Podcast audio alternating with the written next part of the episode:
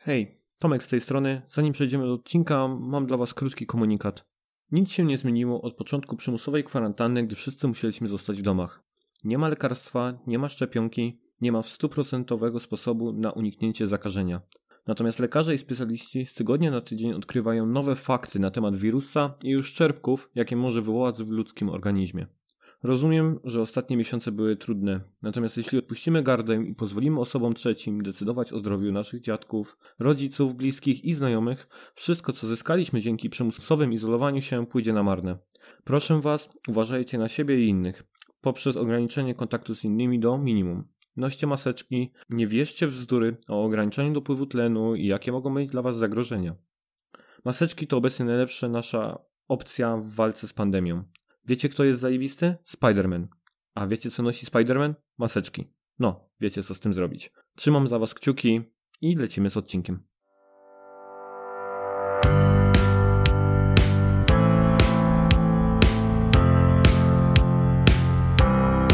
Witajcie, witajcie słuchacze.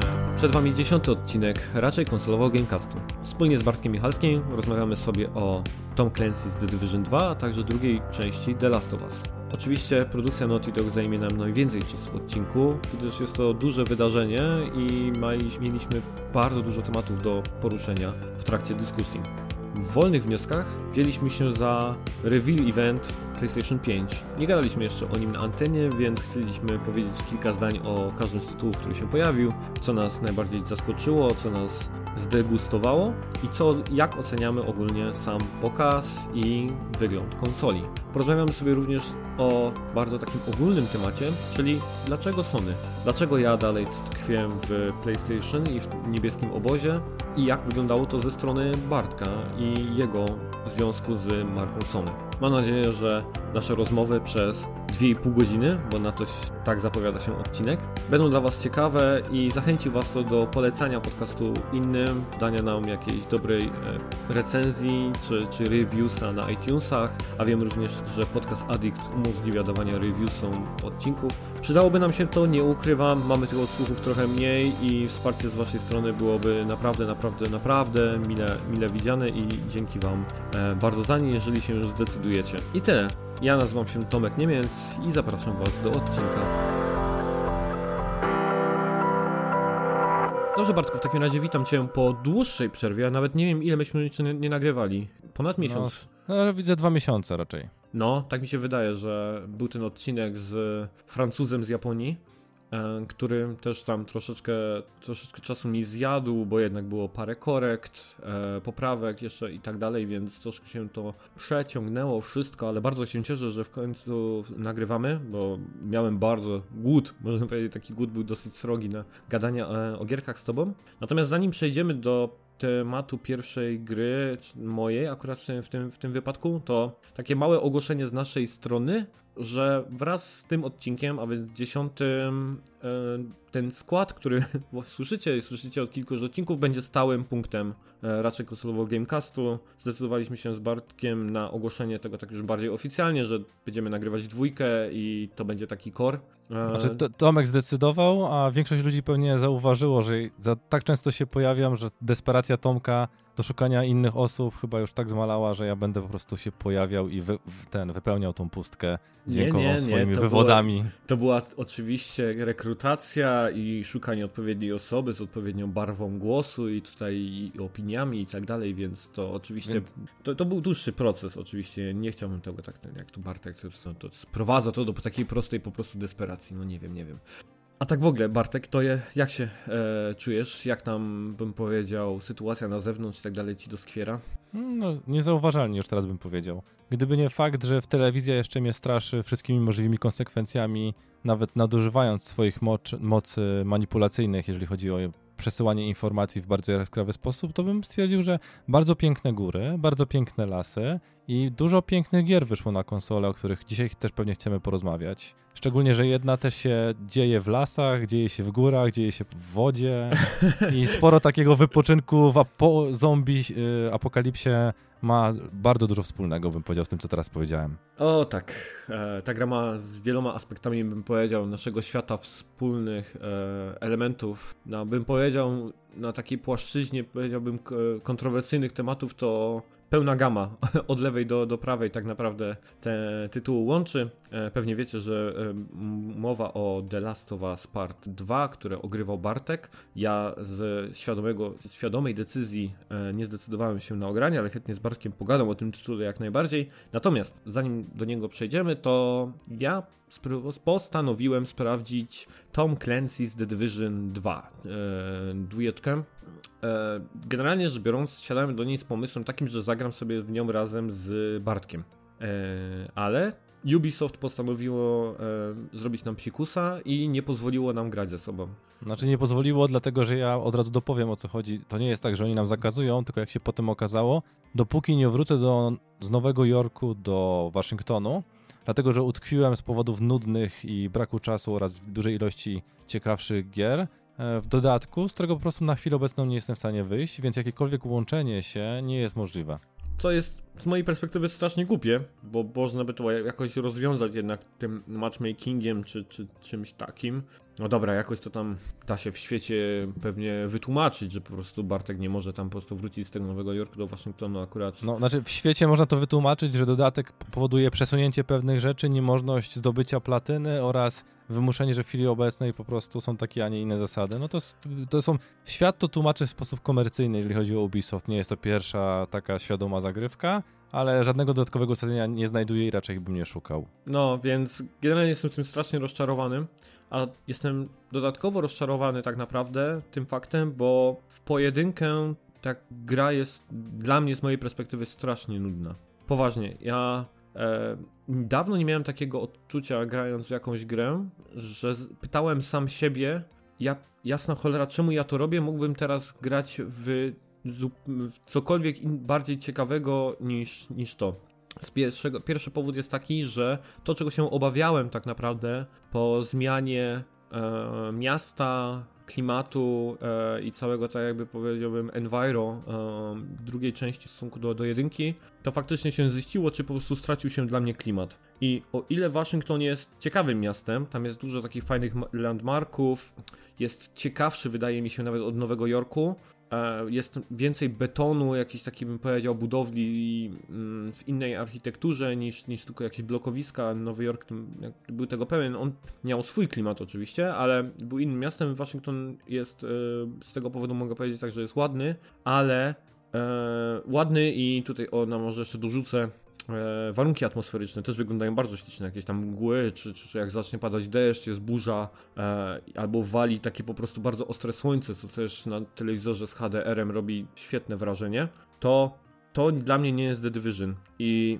ta gra, ja, ja do, do końca nie rozumiem Ubisoft i ich tak jakby planu wydawniczego, bo ja nie widzę po prostu różnicy pomiędzy The Division 2, Wildlandsami a tym breakpointem, tak? Bo ten ostatni Ghost, Ghost Recon się chyba nazywał Breakpoint, e, jeśli się nie mylę. Te gry mi się zlewają w taką po prostu jednolitą e, papkę e, i są strasznie do siebie podobne, a jedynka The Division była po prostu zupełnie czymś innym, była strasznie ciekawa. E, co mi jeszcze brakuje na przykład tutaj, to jest bardzo mało jakiegoś takiego enviro storytellingu, echa, które ja nie wiem, zagrałem może teraz, nie wiem, mam z 10 około 15 godzin może rozegranych, tak bym powiedział, połowę mapki chyba odkryłem. I jeśli chodzi o echa, które się tam jakby znajduje, co strasznie mi się podobało w jedynce, że się odtwarzało te takie sytuacje ze świata i tak dalej, chyba miałem dwa tak naprawdę, albo trzy takie znalazłem gdzieś tam w świecie i to nie tak, że ja omijam, bo jak mi tam ten głos zegarka powie, że coś jest niedaleko mnie, to od razu po to zaczynam, gdzieś tam się do tego zmierzam i to odnajduję, ale po prostu jest tego strasznie mało. E, i, i kolejny element, który dla mnie był bardzo ważny w jedynce i który robił robotę, tutaj tak jakby zniknął, Natomiast, no, okej, gameplay e, nadal jest fajny. Strzelanie jest, bym powiedział, ok. Można nawet powiedzieć, jest miodne. Bardzo mi się podoba dalej ten system e, chowania się za przeszkodami, e, prowadzenia walki z przeciwnikami, którzy gdzieś nas próbują flankować, i tam biegania od przeszkody do przeszkody i tak dalej. To, to wszystko dalej jest spoko i, i tak dalej, ale e, tak jak mówię, gdzieś straciła ta gra na atmosferze, na, na, na klimacie na czymś, co sprawiało, że The Division było dla mnie wyjątkowe i dla coś, co sprawiło, że faktycznie gdzieś tam do niego siadłem, a ja nie jestem człowiekiem, który jakoś na przykład w ogóle serię Ghost Recon jakoś specjalnie e, go, go rajcowała i, i ciągnęła do siebie, więc e, no tak, z tego powodu mogę powiedzieć, że jestem nawet e, ponadto wkurzony, bo gdyby jeszcze grałbym z Bartkiem, to może to wszystko byłoby bardziej znośne, bo moglibyśmy sobie o pierdołach gdzieś tam pogadać. Misje też były po prostu ciekawsze, bo rany, Julek, jakie to wszystko gdzieś tam jest nudnawe, tam po prostu wiecznie tylko te, te fale tych przeciwników na ciebie gdzieś tam idą, żadnych tam jakichś specjalnych obiektywów do zrobienia. Jedna misja była, jakieś satelity, pamiętam, musiałem nastroić w odpowiedni gdzieś tam ten e, e, w kierunku czy coś takiego i, i ale to też wiązało się z bieganiem od punktu do punktu i pokonywaniem fal przeciwników, więc to też jakoś tam nie było specjalnie jakoś bym powiedział bardzo rajcowne. E, więc e, no, z tego powodu ja sobie akurat odpuściłem do Division 2 i czekam aż Bartek po prostu wróci do tego Waszyngtonu. Ja nie wiem, czy ty w ogóle planujesz jakkolwiek gdzieś to w to grać i wracać, czy, czy, czy coś? Znaczy na, na, na pewno, to wiesz, to jest nieuniknione, planuję, dlatego że jest kilka rzeczy, które chcę jeszcze dokończyć. Natomiast po prostu dodatek mi bardziej nie leży niż podstawka, co może być zaskakujące po tych twoich słowach, co, które mm. powiedziałaś w chwili obecnej. Natomiast powiem ci tak, ja mam z Division 2 ten sam problem, a raczej ten sam zysk, co miałem w przypadku e, War Dogsów 1. Że War Dogsy 1 była dla mnie mroczna, była mniej ciekawa i ten cały świat był mniej po prostu taki interaktywny. Dodatkowe gry jakieś poboczne, które były pijackie i tak dalej, no nie do końca mi podpadały. A mhm. dwójkę wróciłem i przeszedłem z miłą taką, wiesz, z uśmiechem. Była bardziej kolorowa. Nie chcę walnąć gafy, ale wydaje mi się, że to było San Francisco. Tak. Wtedy miejscem, w którym to się odbywało. Mhm było bardziej kulturowo, różnorodne, bardziej w ogóle było jakoś lepsze. Jedynce chyba było Chicago, albo coś, co wyglądało jako Chicago. Jedynka Natomiast... taka była mocno smutna, nie? Taka, tak, że ten, ten bohater był dla mnie taki po prostu, bym powiedział, jednowymiarowy i mało ciekawy. Ta historia, dużo chyba T-Bone tam się pojawiał, to taka postać. E, do, była bardziej ciekawa, chociaż miała czasu antenowego tyle samo, e, co wiesz, reklamy na, w chwili obecnej, w tych takich bardziej E, poczytnych czy tam oglądalnych telewizjach jak TVP, mhm. ale była bar dużo bardziej ciekawa, dużo bardziej głęboka, dużo bardziej, wiesz, różnorodna, a nie było w ogóle jej wątku. A dwójka była kolorowa, była pstrykata, była bardziej zabawna, taka frywolna. I ja Division 2 odbieram dokładnie w taki sam sposób, dokładnie w taki sam sposób do tego podszedłem. Dla mnie sporo się działało, e, sporo się działo, ale ja nie szukałem storytellingu, tak de facto, mhm. bo historia była raczej drugoplanowa. Ja świetnie się bawiłem, łączyłem się z graczami różnymi na hardzie, sobie tutaj, wiesz, troszeczkę pobiegaliśmy. Przeszedłem ją w większości wypadków, czy tam misji sam. Natomiast te rzeczy, które ty dajesz jako po prostu wady, no ja trochę chyba przegapiłem. Trochę na innych rzeczach się skupiłem. E, bardziej na wykonaniu, zobaczeniu co się dzieje, bo jak kończyła się, pamiętam, e, jedynka Division, mhm. to kończyła się praktycznie gra. No, szło się do tej, e, do tych zakazanych zon i tak dalej, ale no nuda kompletna, tak troszeczkę sensu w tym wszystkim nie widziałem, więc skończyłem bardzo szybko grę. Grałem chyba to w 2016 roku na PC, czyli mhm. na konsoli. Nawet się nie odważyłem grać na konsoli, a pamiętam, że dostałem Early Access, czy tam jakiś Beta Access, czy cokolwiek innego i gra, no, spoko, Fajnie, że można drzwi zamykać, fajnie, że są jakieś environmenty, ale tyle ma to wspólnego z E3, co no, no, nie miało z tym demem E3, powiedzmy sobie szczerze, ale pewnie mało rzeczy ma. Mm. Natomiast dwójka utrzymała mnie na e, chyba na dużo dłużej niż ciebie. Ja jestem po 30 chyba godzinach, skończyłem podstawkę, wszystkie levele wbiłem świata, Zostały mi jakieś takie pierdoły do platyny. Może po nie wrócę, może nie. Raczej wrócę, bo to są, wiesz, takie rzeczy, które wymagają już kooperacji i grania z ludźmi, którzy nie wpadają huzia na Juzia albo Leroy Jenkins i nawalają wszystko na lewo i prawo, tylko trzeba bardziej koordynować i to wszystko, mhm. więc raczej nie tyle celuję w osoby, które chcą to zrobić, tylko osoby, które chcą mi pomóc, czyli słuchać i tak dalej. Ja takich, o takie trudniej. Więc dla mnie przeszkodą w chwili obecnej jest niestety wyjście z tego dodatku, tych Warlordsów, czy jak tokolwiek tam nazwali, tak. który jest troszeczkę sztuczny i e, niby jest powrót do Nowego Jorku, ale powiedzmy sobie szczerze, bardziej ciekawe dla mnie niż Nowy Jork, niż konstrukcja taka, która jest też liniowa, jak większość rzeczy w tym świecie, są dodatkowe misje, na przykład w zoo, czy w muzeach, one są dużo bardziej ciekawe, gdyż no, prezentują odwzorowanie rzeczywiste albo pseudo-rzeczywiste, bo dobra, tak nie wyglądają muzea, jakby ktoś tam wirusa wpuścił jeszcze, aczkolwiek mhm. patrząc na wiadomości ze Stanów Zjednoczonych, to stay tuned, bo najprawdopodobniej mogą niektóre miejsca tak wyglądać, jakby przez nie przeszła apokalipsa. No, no. Ale mówię, dla mnie odbiór jest zupełnie inny. Ja się dobrze bawiłem, utrzymało mnie na, na dużo godzin, ale w, i to jest chyba problem, który pozwoli mi przejść do drugiej gry tak bardzo płynnie. Mhm. Pomimo numerków, ja nie odbieram tych gier jako gier, które są sequelem, tylko dzieją się w tym samym uniwersum z podobnymi mechanizmami, ale można je odbierać i analizować troszeczkę osobno. I analiza osobno pomaga. Znaczy może, pozwol- no może faktycznie tak, nie? Tylko ja wchodziłem w dwójkę. Mm, znaczy ja nie wiem po prostu, bo to wiesz, pewnie nasz odbiór dwójki, który między nami się różni, jest związany pewnie z tym, jak odebraliśmy jedynkę. E, bo, Tak, pe- bo pewnie ja wnioskuję tak, że na tobie jedynka jakoś nie zrobiła. Znaczy, tak jak chyba nawet słyszałem, to nie zrobiła na tobie jakiegoś specjalnie dobrego wrażenia jedynka e, Division, gdzie ja na przykład byłem bardzo tak jakby pozytywnie zaskoczony. Ja w ogóle byłem w teamie Destiny, nie? Wiesz, jak, e, jak Division wchodziło, nie? To to był e, tak jakby, wiesz, ludzie byli podzieleni, nie? Na, na, na na Team Division i Team Destiny e, w tamtych, w tamtych Mhm. czasach. Ja e, ciorałem bardzo dużo w Destiny i Division jest tak bardzo mocno potem e, e, sprawdziłem, kiedy już gra, wiesz, była chyba jakiejś tam wersji Gold na, na, na, na PlayStation Store, chyba kupiłem za jakieś 50 zł, tą wiesz, ze wszystkimi dodatkami i tak dalej. To pamiętam, że wtedy ogrywałem i ja byłem zachwycony e, właśnie tym enviro, nie? Tym, tym, tym settingiem i, i tak dalej. Ja strasznie mi się to spodobało. E, nawet chyba gdzieś tam przyznałem w takich tych takich śmiesznych nagrodach, które przyznaję na blogu, e, najpiękniejsza gra o Bożym Narodzeniu chyba, e, czy, czy, czy coś takiego. Taką nagrodę przyznałem. No, no i spodziewałem się tego.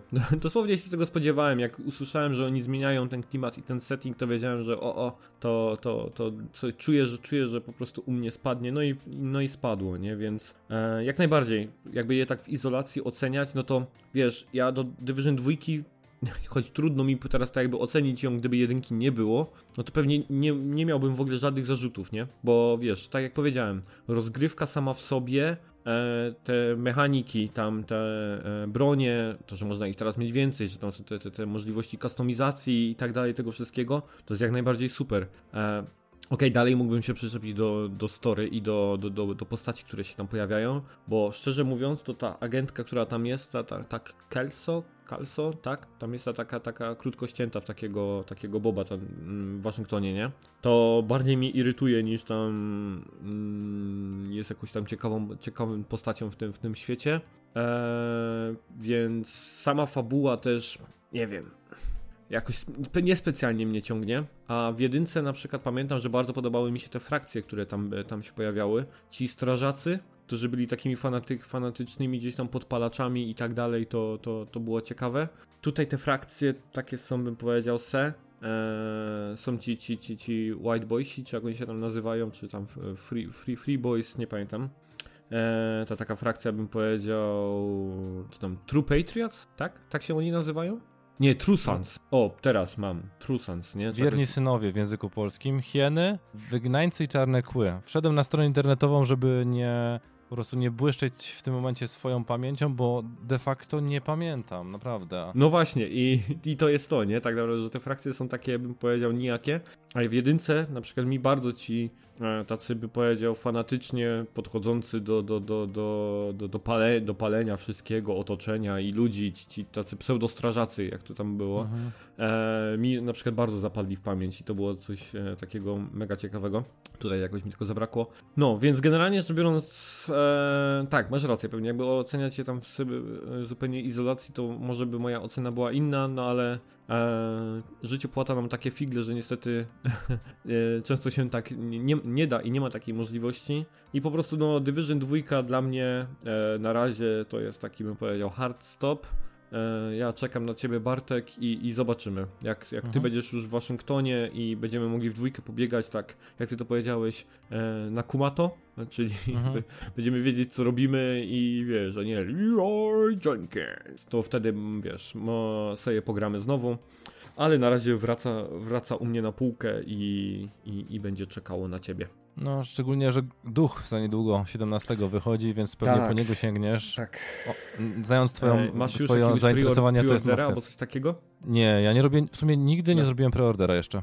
No, ja już zamówiłem sobie tutaj, bo dokładnie z okna mojego balkonowego widzę Neonet, e, więc sobie zamówiłem do nich mhm. edycję tą, ze steelbookiem sobie zamówiłem w końcu mm, no, wersję. Nie, ja, ja, ja poczekam, szczerze powiedziawszy. Troszeczkę nadużyłem już cierpliwości, rzeczywistości i w ogóle jeżeli chodzi o Last of Us 2, więc kolejna gra raczej troszeczkę poczeka, bo dwie ostatnie od naszego ostatniego spotkania, czyli Man Eater, który po prostu naprawdę wy, wybitnie farajna gra, zaskoczyła mnie kompletnie swoją surrealnością, ograłem ją, wbiłem platynę, aż mi się uśmiech po prostu pojawiał, że faktycznie można taką grę stworzyć, że jeszcze na mhm. to jest miejsce, że ten Irrationalist Saints Row 3 po prostu wiesz, został namaszczony na inne gry, że ludzie jeszcze są zainteresowani. Fajna gra wyszła.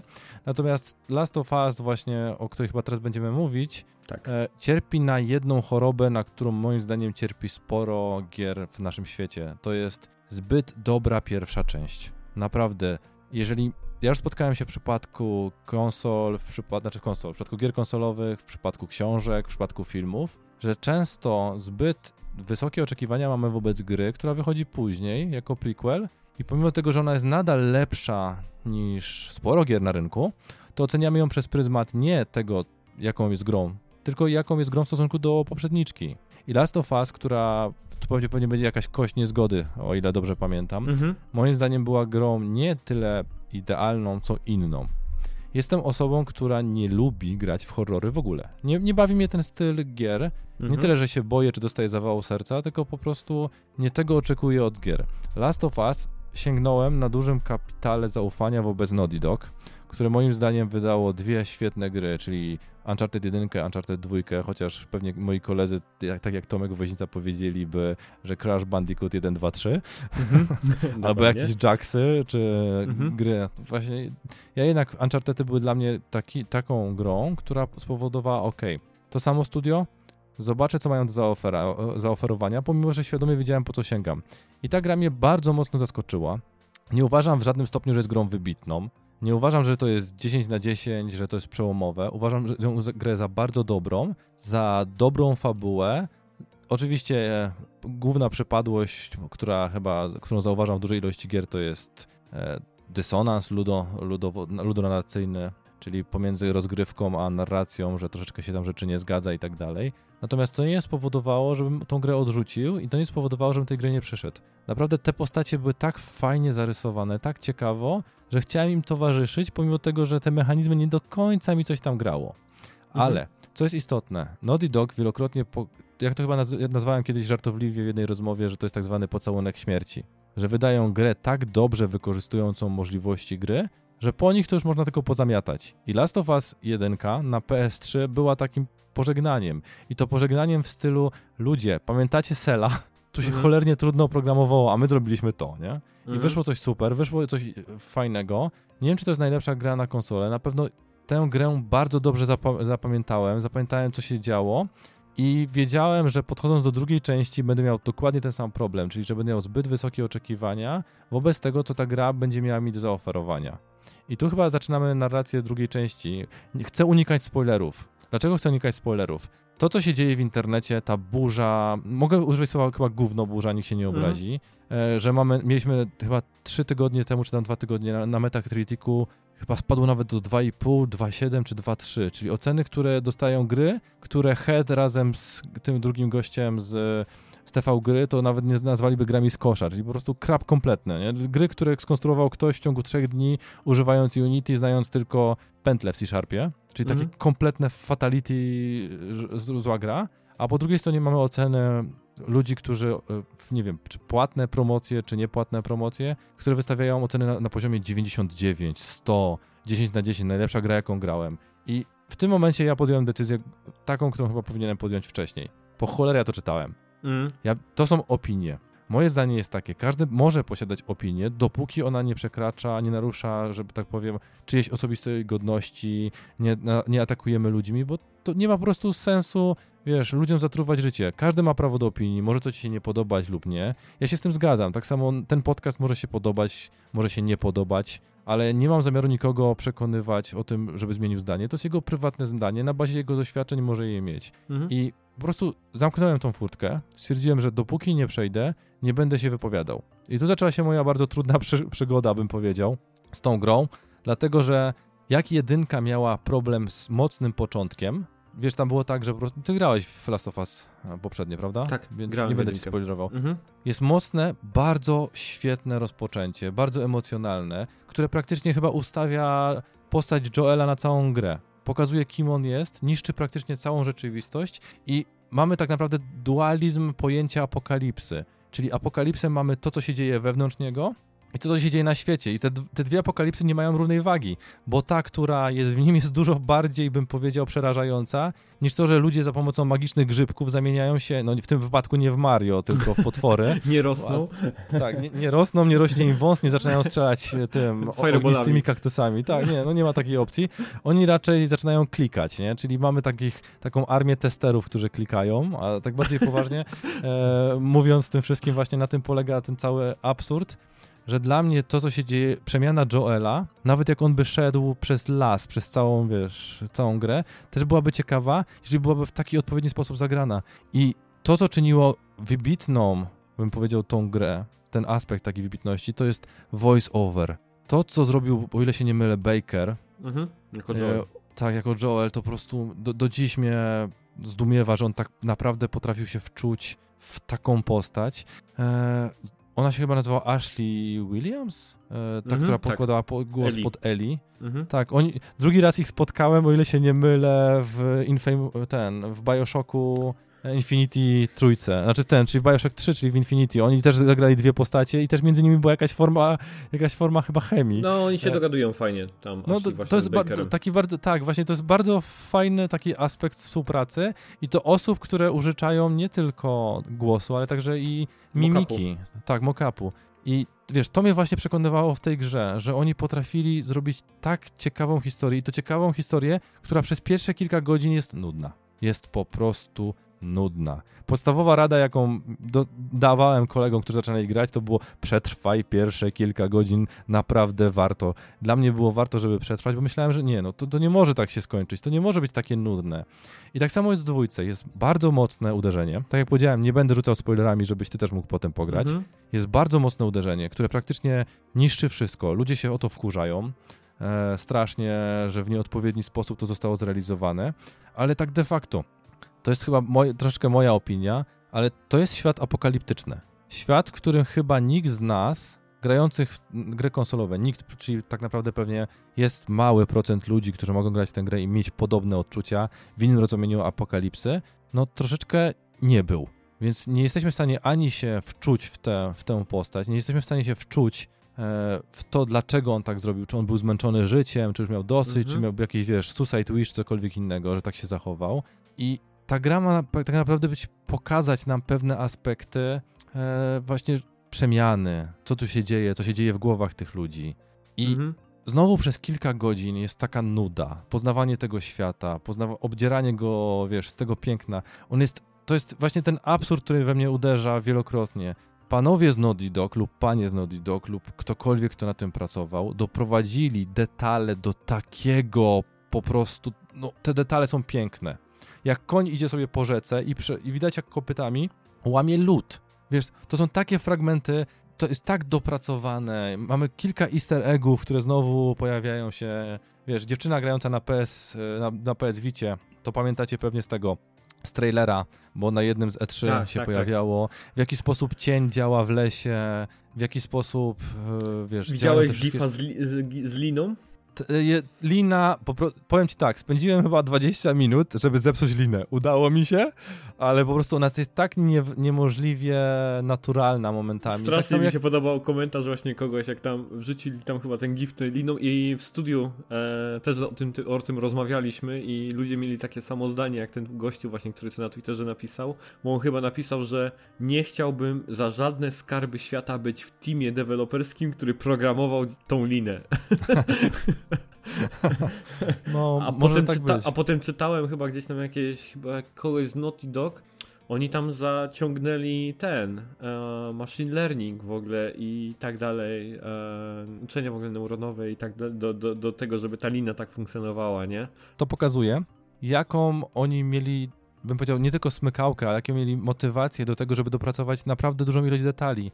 Jak nic on nic zowąd jedziesz sobie na koniu i widać na przykład, jak koń się przestraszy, to on reaguje faktycznie naturalnie, albo na przykład zajączek gdzieś przebiegnie, jakieś dodatkowe, no oczywiście, wiesz, Nody Dog, co musiał zrobić? Można kilka razy znaleźć, co? No oczywiście swoje były gry różnego rodzaju, albo mhm. dowcipy, na przykład z tego co pamiętam, to przerobili Crasha Bandicoota na tytuł porno na VHS-ie. I to w taki zabawny sposób, że po prostu słyszysz, jak ona mówi, o, jaki dziwny film, nie? I myślisz, kurde, wszyscy wiemy, że to jest crash, nie? A tutaj jakiś tam, wiesz, dodatkowa rzecz, takie A, takie bo oni tam też, tam też karty były, nie? Tam doktor e, tak. Nukman, tak? Czy jakoś tak był ten... Głównego tego, głównego reżysera, czy tam producenta gry, wiesz, to no, mhm. jest sporo takich, wiesz, easter eggów i to, to się będzie pojawiało. Jak ktoś pamięta e, tego Ega, który zawsze się pojawia jako ten dodatkowy taki achievement, to tu też jest, nie? Żeby nie było. Na przykład w jednym miejscu można znaleźć pierścień e, Drake'a. Tak, to jest Sich Parvis Magna. Jak, mhm. mi się po prostu tak uśmiechnęła buzia, jak zobaczyłem, no nie, no znowu to, to, tak wiesz, to jest takie zabawne i to, wiesz, to, to po prostu pasuje.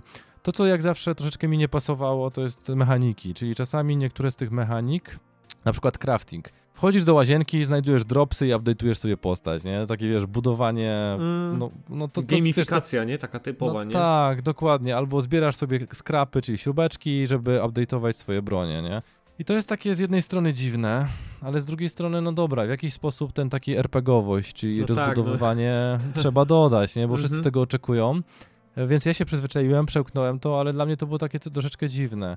I A jest to przez to, że po prostu, że jest taki że ten świat wydaje się tak naturalny i realny po prostu, że, że ta gamifikacja aż przeszkadza? Jest to, nie, można Powiem to tak, tak nazwać? Wyłączyłem wszystkie podpowiedzi, które były sugerowane, wyłączyłem chuda, wyłączyłem -hmm. jakiekolwiek rzeczy przy pierwszym przejściu, zaraz powiem dlaczego, żeby sobie nie psuć tych możliwości. Od razu nie włączyłem na żaden tryb niższy niż normalny, e, dałem jeden wyższy, stwierdziłem, że w jedynce tak grałem, w dwójce też tak będę grał, żeby po prostu nie psuć sobie i trochę się pobać bo nie ukrywam, że są takie momenty, w którym po prostu idziesz i skrypt, jak to się mówi, atakują cię skrypty, nie? Mhm, tak. Ale czujesz się zaskoczony. Nie tylko zaskakuje cię narracja, ale także zaskakuje cię środowisko, w jaki sposób działa. E, że możesz na przykład wchodzić w interakcję z różnymi przedmiotami. I teraz to jest jedna z rzeczy, które chyba mnie najbardziej zabolało w tej grze, to jest to, że kazano mi mordować psy. Mhm. W sensie, wiesz, częścią, bo już nie ma świetlików. W pierwszej tak. części były świetliki, one się troszeczkę rozpadły, teraz mamy innych antagonistów, niby antagonistów, bo to też jest istotne, że nie oceniałbym tego świata w, znowu w kontekście tego, co jest dobre, co jest złe. Etyka jest kompletnie przesunięta na lewo. Tak. Ja po przejściu tej gry dwukrotnie nie czuję się na siłach oceniać, czy ci ludzie zrobili dobrze, czy ci ludzie zrobili źle. Ja nie wiem, jakbym zachował się na ich miejscu. I to jest, wiesz, to jest, to jest dla mnie, że ja po tej grze nie tylko czuję satysfakcję z przejścia gry, ale czuję satysfakcję z tego, że mam sporo takich, taką wiesz, kłębowiską myśli, kurde, co robić, co myśleć, czy to było złe, czy to było dobre. I teraz opowiem troszeczkę o właśnie o fabule, którą ludzie troszeczkę tak zjechali, ale ona jest i silną, i słabą stroną, tak jak powiedziałem. Last of Us ma jednego głównego wroga, to jest pierwsza część. To od razu powiem. Dlatego, że ludzie przyzwyczaili się do postaci, a te postacie też się zmieniają przez lata i mają do tego prawo, one żyją. To nie jest tamten moment. My obserwujemy, tak jakby wiesz, ich efekt przemiany i od tego się zaczyna. Mhm. I przez pierwsze kilka godzin po tym takim wielkim wybuchu, który mnie uderzył, takim Hitchcockowskim, nie będę ukrywał, byłem mega wkurzony na twórców. Dlaczego to zrobiliście? Tak nie powinno być. Zachowałem się po prostu, wiesz, ale po 10 godzinach, kiedy miałem czas pomyśleć, zobaczyć ten świat, pozabijać klikaczy i tak dalej, doszedłem do wniosku, że chyba przechodzę te same etapy, które przechodzą ludzie, którzy żegnają się ze sobą bliską. I ta zemsta, którą teraz prowadzę, bo tak naprawdę ta gra to jest motyw zemsty, mhm. który w jakimś stopniu my jako gracze mamy przeżyć, zobaczyć i do czego doprowadza. I to, co mnie uderzyło w tym motywie zemsty, to jest to, że ja nie chcę w nim uczestniczyć, a jednak ta siła narracyjna w tym momencie mnie pcha. Więc mam do wyboru albo robić to, co wiesz, na, twórcy mi nakazują, albo przestać i zostawić tą grę. Ale ta gra jest zbyt ciekawa, co się dalej stanie, dlatego że ciekawi mnie właśnie, co będzie dalej. I czułem po prostu, że ten gniew wewnętrzny, który mam, albo ta narracja, która w tym momencie, wiesz, Eli też była mega wnerwiona, mega wkurzona i mega zmotywowana, żeby to zrobić, pociąga mnie do rzeczy, których ja bym nie chciał robić. Tak jak mówiłem, te psy. Dla mnie to po prostu było nienaturalne. I wiesz, co jest najgorsze w tym wszystkim? W jedynce zabijałeś przypadkowych ludzi. W dwójce ci ludzie mają imiona. Jak mhm. zginie na przykład Edward, Marek czy ktokolwiek inny, to ludzie krzyczą: Gdzie jest Marek? Ej, znaleźliśmy Marka! Nie zabijasz już bezimiennych ludzi, anonimowych ludzi, nie zabijasz już psy, psy też mają imiona, tylko zabijasz ludzi, którzy mają jakąś historię. Wiesz, to ta zemsta ma, bym powiedział, bardziej gorzki smak, tak jakby wiesz, wymuszona, że czułem po prostu do 15 godziny, czyli do połowy gry, że to jest na mnie wymuszone, że ja to robię, bo jakiś taki, normalnie bym to powiedział imperatyw wewnętrzny, ale w tym momencie powiem to narracja gracza, że ja to robię, bo muszę, bo nie mam wyboru, bo tak zostałem stworzony, bo cokolwiek innego. I ta pierwsza część po prostu, początkowo wydawało mi się, że te 10 godzin będzie mega nudne i było mega nudne, bardzo powtarzalne, ale właśnie było po to, żeby troszeczkę ochłonąć i troszeczkę zrozumieć i troszeczkę, wiesz, yy, poczuć się w tym świecie, w którym ja się odnalazłem. Ja wiem, że to są troszeczkę dziwne, wiesz, moje prywatne opinie i nie wiem, czy one się w ogóle powtarzają. Nie, ale... w, żadnym, w żadnym wypadku. Akurat strasznie ciekawe wszystko to, co opowiadasz o tej grze i e, fajnie, że tak bym powiedział, wchodzisz dosyć, bym, można powiedzieć, głęboko i tak sentymentalnie w, w, w pewne kwestie. Tego się bardzo fajnie e, słucha, co też mi pokazuje, że tak z mojej perspektywy prawdopodobnie cele, które oni sobie założyli na grę, to dokładnie je osiągnęli. Znaczy, mhm. tak, tak, tak, tak ja to odczuwam i nawet ten, jak to podnazwałeś, ta gównoburza, która się wywołała tego wszystkiego i tak dalej, z mojej perspektywy to było coś bardziej bym powiedział nawet spodziewanego. Znaczy, e... oni się na pewno tego spodziewali. Ja mam wrażenie po prostu, że Naughty Dog stwierdziło, a co my robimy? A weźcie, zadzwońcie po Grześka, czy Ryśka, czy kogokolwiek innego. Rysiek jest specjalistą od sadzania kija w mrowisko i Rysiek to zrobi specjalnie. I wiesz, i to jest dokładnie efekt ich działania, że oni chcieli Mam nadzieję, że chcieli, że to było troszeczkę świadome, takie, takie kij w mrowisko e, włożyć. I idąc troszeczkę dalej, bo co jest istotne, że to, to jest tylko pierwsza część gry. My patrzymy na pewne części, ale pewnie większość z Was już chyba wie. Jak widzieliście trailer na E3 w 2000 chyba 19, 18 roku, przepraszam, to było już 18 roku albo w 19 teraz, mhm. kiedy była ta historia z lasem, kojarzysz? Mhm. Czyli, że ten chłopak z łukiem, który wyskakuje z lasu, zaczyna strzelać, tak. a jakaś dziewczyna, która wygląda jak kulturystka, zostaje ratowana, prawda? Mhm. Tak. To jest jakby druga postać. Na razie nie powiem, w jaki sposób one są połączone, natomiast to jest postać, której celem jest tak naprawdę pokazanie innego rodzaju przemiany. Przemiany, której się kompletnie nie spodziewałem, Myślałem, że wiesz, że to będzie jednowątkowe, jednoliniowe, jednowymiarowe, bardzo prosta postać, a tu się okazuje, że są i wątki sercowe, i wątek straty, i wątek adaptacji, i wątek wyparcia. I patrzysz na tą osobę, Jezus Maria, kobieta, która wygląda jak córka Arnolda Schwarzeneggera, razem chodzili na siłownię, a potrafi w taki sposób się czasami zachować, że jest to aż, bym powiedział, dziwne. E, nie, nie wiem, czy bym się doszukiwał jakichś tam, wiesz, dodatkowych rzeczy, natomiast z mojego punktu widzenia to, jest, to była bardzo ciekawa przemiana, pokazująca mi jakby alternatywno, bo widziałem tą, tą samą historię, którą widziałem w jedynce jej oczami, z troszeczkę innej perspektywy, troszeczkę bym powiedział bardziej ciekawej. Nie mam zamiaru usprawiedliwiać jej działań.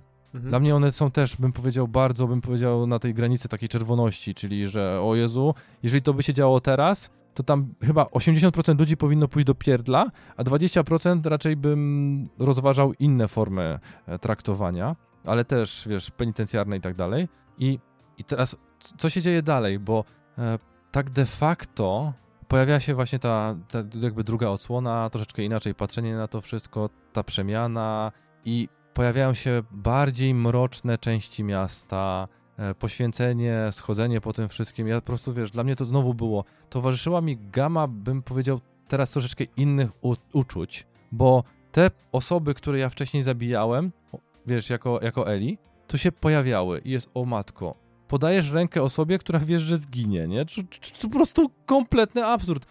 zaczynasz mhm. współpracę z psem, którego wiesz, że zabijesz, nie? No, powiem ci tak, jedno z tych uczuć, które po raz pierwszy poczułem od dawien dawna w grach, które mi nie towarzyszyło, to było, że zacząłem się wstydzić. Troszeczkę takie, wiesz, forma obrzydzenia do swoich własnych działań. Troszeczkę za, za, zastanawiałem się, dlaczego ja to zrobiłem. Ja wiem, że, wiesz, to, to jest gra i to powinno być teoretycznie bezsensowne, ale zacząłem się zastanawiać, kurde, przecież to, to zupełnie inaczej wygląda z drugiej strony. Czyli mogę popatrzeć na pewne działania, na pewne uczucia, na pewne, wiesz, negatywne uczucia z drugiej strony i to mi pokazało, że pomimo takiego brzydkiego świata, jakim jest świat Last of Us, który teraz jest piękny w swojej brzydocie, dlatego że urósł, zarósł, więcej się dzieje, więcej i są bardziej skomplikowane te levely, jeżeli chodzi o detale, można pływać, można... No tak, Eli się nauczyła pływać, spoiler. Już nie trzeba ją na tratwie wozić tam deskowej czy cokolwiek innego, o czym oczywiście no, do, do, też się dowiemy, bo nam o tym samym powie, nie? to jest tak. właśnie ciekawe, że jest sporo nawiązań. E, w drugiej części pojawiają się bardziej ciekawe postacie, bym powiedział. Właśnie ta dwójka, którą widzieliśmy w E3 w trailerze, pojawia się i zaczyna być pełnoprawnymi, drugoplanowymi wprawdzie postaciami, ale pokazujące nam troszeczkę inną mentalność. Że zmiany, które były w tym świecie, nie, nie były jednoliniowe. Nie, że wszystko stało się wojskiem albo wszystko stało się enklawą, tylko pojawiły się kulty, pojawiły się inne, wiesz, inne możliwości i w jaki sposób oni sobie radzą ten taki wielowymiarowość analizy, podejmowania decyzji. Ja się tylko cieszę, że to nie zrobiło Telltale. Bo jeżeli mm. to mhm. by zrobiło Telltale Games, to ja bym dostał taką poważną dawkę w pierdzielu za podejmowane decyzje, żebym naprawdę nie umiał zasnąć. A mhm. po tej grze miałem po prostu problemy. Jak pisałem do, do ciebie chyba w niedzielę, czy też w sobotę, e, to po prostu naprawdę miałem problemy z zaśnięciem, bo tak mnie jeszcze trzymała ta historia. Jak to się skończyło, dlaczego tak to się skończyło skąd to się wszystko wzięło, a kończy się naprawdę w tak dziwny sposób, że jedyne co mi pozostało w tym wszystkim to jest ta sama nadzieja, którą miałem, kiedy oglądałem Incepcję. Proszę cię, Bączku, upadnij. Niech on spotka się z tymi dziećmi. Dokładnie miałem tą samą nadzieję. Mhm. Zbyt zżyłem się i z Abi, zbyt zżyłem się z nową Eli, bo to już nie jest stara Eli, to jest bardziej wyniszczona Eli. To jest, kurde, dziecko, które tyle przeżyło, że już bym powiedział, że w wieku 13 lat możemy przestać je nazywać dzieckiem. To jest, wiesz, pokaźny mhm. bagaż doświadczeń, emocji, wszystkiego. To jest takie kłębowisko dwóch osób, które, no jakbyśmy je postawili w jednej klasie, to prawdopodobnie by nigdy nie, wiesz, nie, ze sobą nie przyjaźniły się. One są kompletnie odmienne, mają odmienne poglądy, odmienne doświadczenia i teraz mają też odmienną rzeczywistość, która między innymi, wiesz, różni ich wszystkimi. Ale to, to mi pokazuje taką w tym wszystkim taki, taki dualizm, że te wszystkie postacie, które się pojawiają, one w tej apokalipsie starają się jakoś odnaleźć. Tak jak gracz, w tym wypadku ja, ja się staram odnaleźć w nowej kontynuacji tego świata, który został stworzony w pierwszej części, ale to nie jest ten sam świat, to jest świat, który jest graficznie piękniejszy, graficznie głośniejszy, bo pozdrawiam moje PS4 Pro, które po prostu huczy jak pralka z 94 roku. Ono już sobie nie daje rady na HDR-ze, mm. na telewizorze 4. To jest po prostu, wiesz, to jest masakra, ale tam, to wiesz, to jest żywy świat. Jest oczywiście obligatoryjny, otwarty level, tak jak w Uncharted 4 czy Uncharted Lost Legacy, który mhm. znowu pokazuje, że kurde, można tyle zabawy wycisnąć z czegoś, co jest otwarte i zarazem liniowe. Jest taka dodatkowa narracja dzięki temu, że mamy dostęp do artefaktów w postaci listów. Jak ktoś popełni samobójstwo, to pewnie znajdujemy jego list. Mamy dodatkowe rzeczy związane z książkami. Mam po prostu taką wrażenie, że chłopaki od czy dziewczyny od tej narracji, nie wiem dlaczego zawsze mówię chłopaki, a potem myślę, kurde, przecież ja wiem, że tam pracują kobiety i tam pracują naprawdę wybitne osoby płci żeńskiej, jeżeli chodzi o głos to jest, wiesz, no, naprawdę plejada bardzo dobrych fachowców. Postarali się o to, żeby ta historia z mojego punktu widzenia pozwoliła mi przejść przez całą gamę uczuć, różnych uczuć. Od uczuć takich, które praktycznie spowodowały, że na trzy dni wyłączyłem konsolę i stwierdziłem, dobra, może mnie najdzie, wiesz, jakaś, jakieś powołanie z góry czy cokolwiek innego, które pozwoli mi wrócić do tej gry. A z drugiej strony nie czułem, żeby narzucali mi jakikolwiek osąd. Nie czułem w ani jednym momencie, żeby powiedzieli mi, że coś jest dobre, coś jest złe, coś jest brzydkie, tak, masz tak postępować, masz inaczej. Mogłem przejść grę na przykład skradając się w 100% i mogłem też huzia na luzie, chociaż jak wszyscy wiemy w survivalach e, jest tyle naboi, co w Resident Evil tych zielonych odnawiających życie, albo tych maszyn do pisania, które zapisywały mhm. wszystko. Też jest tutaj tego w zależności od levelu bardzo mało, i, ale jest kilka pomysłów na przejście levelu. Są duże, bym powiedział, levely otwarte, które możemy. Mi się już tak kilka razy udało. Ja nie zabiłem nikogo, po prostu przyszedłem bokiem. Starałem się tak zrobić, żeby nikogo nie zabić, żeby kurde, nie pomyślał sobie, że jeszcze cię spotkam i dowiem się, że my jesteśmy przyjaciółmi, bo ja to przeczuwałem po prostu. Albo, wiesz, że masz dzieci i tak naprawdę. Tak, dokładnie. I to wiesz, i... Ale to jest mega, no przecież kto się nad nas, znaczy mega, no ten, ten wiesz, kto z nas się zastanawia nad takimi rzeczami, nie? W grach, tak na serio. No nie? Wiesz, ja tak- zacząłem i nie wiem dlaczego, wiesz, po prostu pojawiła mi się myśl w tym momencie i grając potem, kilka takich dużych e, po prostu udało mi się minąć, dusząc jedną osobę, nie miałem w tym momencie wyboru, albo jeszcze nie wiedziałem jak. Natomiast z drugiej, jak już grałem w New Game Plus, bo nie będę ukrywał, że teraz stwierdziłem, dobra, jak już przeszedłem to, lecimy po platynę, podobno jest prosta, to przynajmniej, wiesz, dokończę i pożyczam koledze kolejnemu płytę, niech on też przejdzie, będę miał przynajmniej z kim porozmawiać, a prezes pewnie będzie bardzo ucieszony mó- móc grać w tą grę, bo wie- wiem, że już mnie o to pytał. I po prostu, wiesz, lecąc przez całą planszę, nikogo nie zabijając, udało mi się e, praktycznie tylko na apteczkach przelecieć, ale da radę. Szczególnie, że w późniejszej części naprawdę czułem niechęć do tego, żeby komukolwiek cokolwiek zrobić. I ta gra znowu słynie retrospekcjami, które pokazują, tu się pojawia dużo rzeczy właśnie z przeszłości, pokazujące na różne aspekty, jak kurde, wy, wy, wycieczka po głupie struny, która może pokazać tyle rzeczy, jak pokazanie tak de facto, że ja strasznie się myliłem oceniając te postacie z poprzedniej części, czyli Joela i Eli w połowie gry, że to jest dużo bardziej skomplikowane i nie powinienem się wypowiadać. Jak wiesz, e, retrospekcje z, z życia właśnie Abi, które pokazują, dlaczego ona jest taka, jaka jest, gdzie była jej przemiana, i obserwujemy też w czasie rzeczywistym, jak toczy się gra, kim one się stają, jak krzyżują się ich losy pierwszy raz, jak potem się wszystko zmienia, jak na sam koniec dzieje się zarówno i pojawia się i nadzieja, i smutek, i stwierdzenie, że no, to nie jest jedna z tych gier, która kończy się tak jak i żyli długo i szczęśliwie.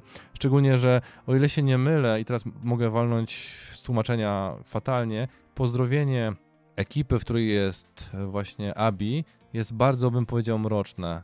Bo oni też właśnie na do widzenia pozdrawiają się i żebyś ten umarł szybko, czy żebyś nie, nie umierał w mękach, czy cokolwiek innego, ale takie pokazujące właśnie jak nawet taka prosta rzecz jak dzień dobry, do widzenia, cześć, zmienia się w narracji w momencie, w którym jesteś tak naprawdę narażony na to, że to jest, możemy się po raz ostatni widzieć, że wyjeżdżamy, może być jakaś zasadzka, czy cokolwiek innego, Mhm. że ten świat też ewoluuje i oni też go zaakceptowali. Oni żyją według nowych realiów. Że jak ktoś idzie na przykład na wycieczkę po, nie wiem, po złom, czy po cokolwiek innego, albo na jakikolwiek patrol, to możemy się po raz ostatni widzieć, ale ja i tak nie będę protestować, bo ty i tak pójdziesz. Czyli wiesz, świat po prostu wielowymiarowy, wielu absurdów.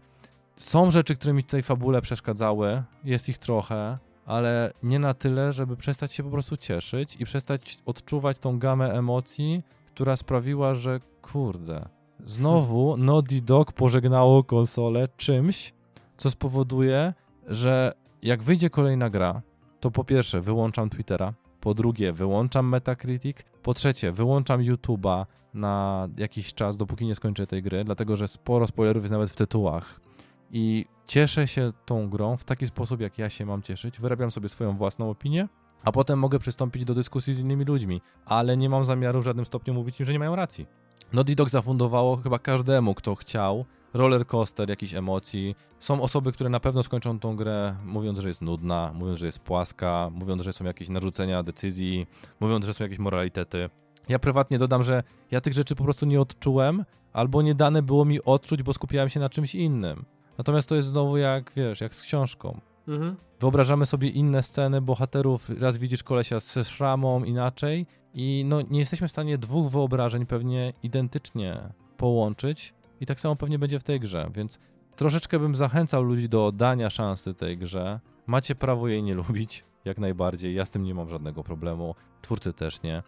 Biorąc pod uwagę, że mamy skrajne doświadczenia i skrajne emocje, to też będą po prostu budowały się też skrajne opinie. Natomiast ciekawość tego świata, tego co jest w bok, tego co jest na lewo. W momencie nawet serio pojawiło się u mnie takie, taka rzecz, wiesz co, ja wiem, że to jest głupie co teraz powiem i pewnie będzie to brzmiało śmiesznie, ale jeżeli wyłączę grę, to może stanie się coś, że ona, ta gra się inaczej potoczy, że nie wiem, że w tej grze zostaną przeprogramowane zwoje, że jednak zmienią Mhm. tą decyzję, że to, co się, czego się spodziewam, jednak nie nadejdzie. Nie nadeszło, ale ja na to nie miałem żadnego wpływu, od razu powiem, ale po prostu na, naprawdę te postacie sprawiły, że e, stały mi się w jakimś stopniu i bliskie, i ciekawe. I ich nienawidziłem, i je lubiłem. Więc serio, przechodząc przez tę grę, miałem taką plejadę wobec nawet jednej postaci, em, emocji i odczuć, że no stwierdziłem, że proszę Państwa, tak kończy się właśnie dziewiąta chyba generacja konsol. E, fajnie, fajnie, fajnie to zakończyłeś. Bardzo, bardzo fajnie się ciebie e, słucha, Bartek, jak opowiadasz o tym wszystkim. Ja starałem się sobie w głowie poukładać punkty, do których chciałem się jakby odnieść, ale też bardzo nie chciałem cię przerywać mhm. e, wszystkiego, co gdzieś tam e, mówiłeś i wydaje mi się, że słuchacze również to docenią, że ci tak jakby nie przerywałem. A samo to po prostu, według mnie to jak ty o tej grze opowiadasz, to pokazuje, że mamy do czynienia z czymś wyjątkowym. Ja bym, wiesz, e, jako osoby nie grającej w ten tytuł jeszcze, e, nie powiedziałbym, że naj, naj, najlepsza, czy naj, najwybitniejsza, czy coś takiego, ale na pewno czymś e, wyjątkowym mamy, mamy tutaj do, do czynienia. Natomiast e, jedna kwestia ostatnią, którą tam rzuciłeś gdzieś w swojej, e, swojej teraz wypowiedzi, było to, że każdy z nas ją różnie odbiera i mamy prawo tam do tych różnych gdzieś tam opinii i tak dalej. Ja zawsze podkreślałem, że to jest naprawdę świetne w naszym medium e, i znaczy nie tylko w nim, ale w grach po prostu, że to jest cudowne, że możemy każdy z nas może grać w tą samą grę i zupełnie inaczej ją odbierać i wyciągać z niej cokolwiek różnego dla, dla siebie.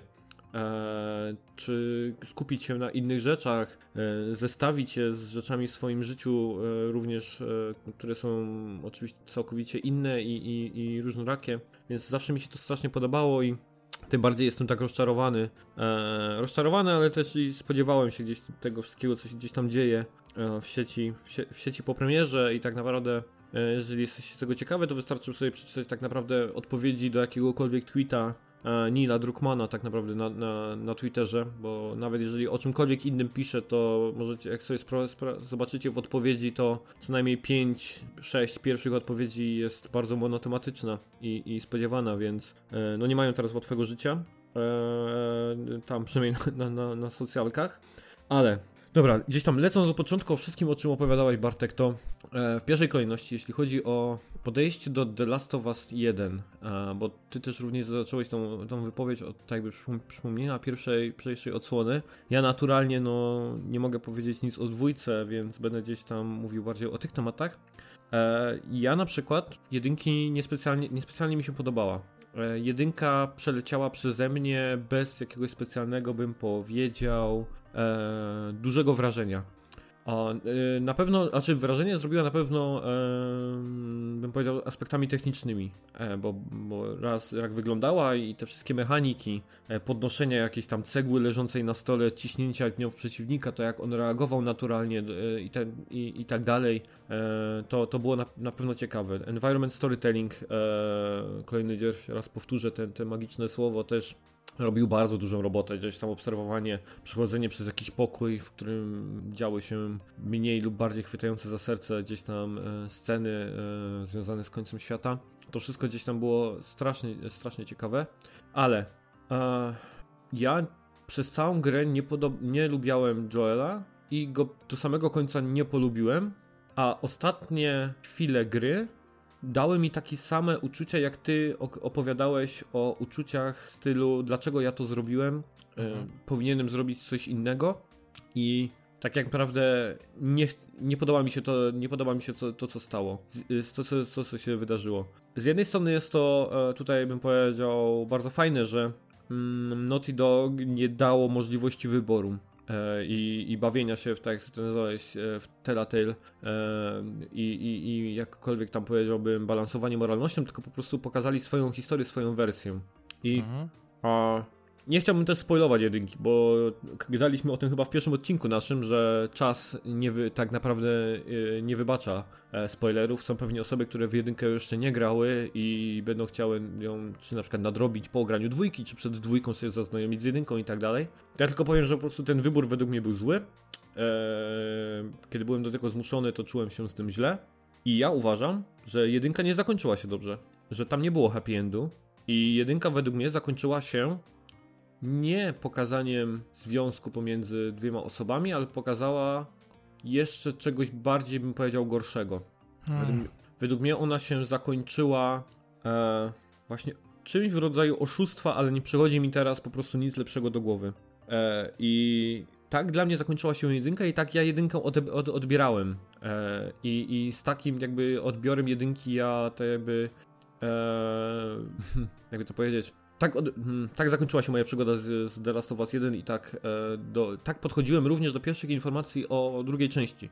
E, I mój wybór tego, że ja nie chcę grać w The Last of Us 2 był jak najbardziej, e, to był po prostu racjonalny, przemyślany e, i miałem, mam kilka powodów, dla których tego tak jakby nie chciałem robić. W pierwszej kolejności, e, i tutaj też, to, tak może będzie brzmiało bardzo osobiście, ja świata takiego jak w The Last of Us się generalnie boję. E, I to jest dla mnie taka wizja świata, który właśnie jest, bym powiedział, strasznie przerażający. I tym bardziej e, sytuacja, która mieliśmy na świecie i która się gdzieś tam zaczynała dziać i zaczynała wyglądać, e, oczywiście w jakimś tam pierwiastku na miastce, powodowała, że mi się to wszystko gdzieś tam przypominało. Ja nawet mm, rozmawiając z Kłamem, pamiętam na antenie o tym, jak została przesuwana premiera The Last of Us, ja widziałem to właśnie w tym e, powód, że e, bo od pierwszego momentu, jak wiedziałem, że będzie, że będzie zapowiedziana dwójka, ja nawet nie musiałem tak naprawdę widzieć tego pierwszego zwiastu zwiastunu, gdzie tam e, był ten mo motyw z, e, jak to oni to tam na nazwali, pozbywaniem się skrzydeł, czy tam, czy tam tak, tak, tak, Odcina znaczy tak, odcinanie skrzydeł. Odcinanie skrzydeł. Tak mi się e, o, nie musiałem nawet tego widzieć, Natomiast widząc to, od razu sobie przypomniałem, dlaczego tak naprawdę dwójka mnie nie interesuje, bo ja doskonale wiedziałem, że świat, który jest zbudowany w The Last of Us jest strasznie smutny, brutalny, depresyjny. Dla mnie, tak, w, mo w, moim odczuciu. Oczywiście on pewnie ma jakieś tam swoje momenty i, i, i y, gdzieś tam mm, prześwity nadziei i tak dalej, no bo nie mogłoby tak być zupełnie, tak powiedział, czarno.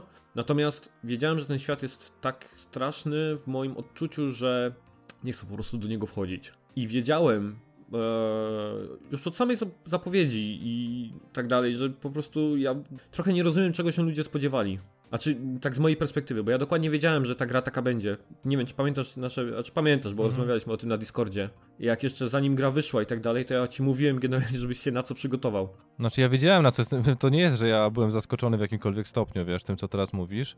Ja dokładnie wiedziałem, czego się spodziewać. Bo mówiłem po prostu, że ta gra będzie cholernie smutna, będzie trudna, i ja po prostu e, nie jestem ani w jakimś momencie, ani nie mam by humoru, czy tam jakkolwiek e, inaczej to nazwać, po prostu nie mam głodu na tego rodzaju gdzieś tam e, odczucia e, w, mm, obecnie i dlatego po prostu tak świadomie sobie tytuł odpuściłem. Zagrać w niego na pewno gdzieś tam w przyszłości zagram, bo The Last of Us jedynkę również zagrałem trochę później niż tam bym powiedział wszyscy ogrywali, więc dwójkę prawdopodobnie też sobie gdzieś tam kiedyś ogram, chociażby żeby po prostu zobaczyć to wykonanie. Mhm. I ten, Ale to, to naprawdę jest, to jest warto. To, to szczerze, no. jeżeli ktoś nie lubi survival horrorów, jeżeli ktoś nie lubi tego rodzaju gier, to i tak warto zobaczyć, jak wygląda ten świat. Pozdrowienia dla wszystkich wielbicieli liny, no bo naprawdę warto pobawić się liną, nawet zobaczyć, jak ją zhakować, zepsuć czy cokolwiek innego, bo naprawdę jest super. I warto, bym powiedział, no sporo rzeczy jest warto, bo dopowiadając, powiem ci tak, to będzie odważne, co powiem. Przynajmniej ja nie oczekiwałem, że kiedykolwiek powstanie dwójka. Dla mnie jedynka jest kompletna, zamknięta, dobranoc. Jakie decyzje są, takie są. Uncharted, podobnie jak inne gry takie narracyjne, też nie miały wyboru i ja szanuję w pełni ich wybór. Jeżeli komuś się taki wybór pewnie nie podoba, tacy są ludzie na, na świecie i mają do tego jak najbardziej prawo. Natomiast popatrzcie tak samo w książkach. Sporo książek też nie daje nam wyboru przy czytaniu. Bohaterowie też czasami są w jakimś stopniu niekonsekwentni w swoich wyborach, zachowują się irracjonalnie, ale to też pokazuje, kurde, jak bardzo jesteśmy ludźmi, tak samo jak postacie w grach. Nie, no.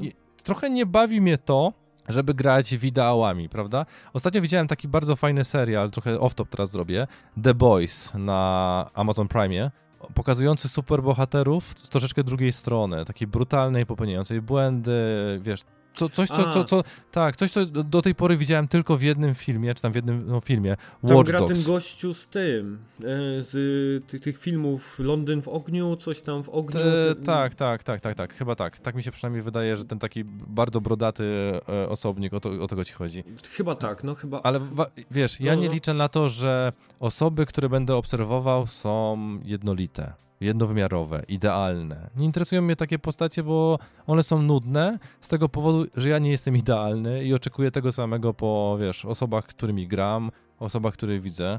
Oczywiście pomijając rekina, którym grałem, on był idealny, on był po prostu fantastyczny i, i gryzł wszystko, co, co się dało, ale tak mi, że wiesz, to też powoduje, że one są ciekawe. I czy zgadzam się z decyzją Joela?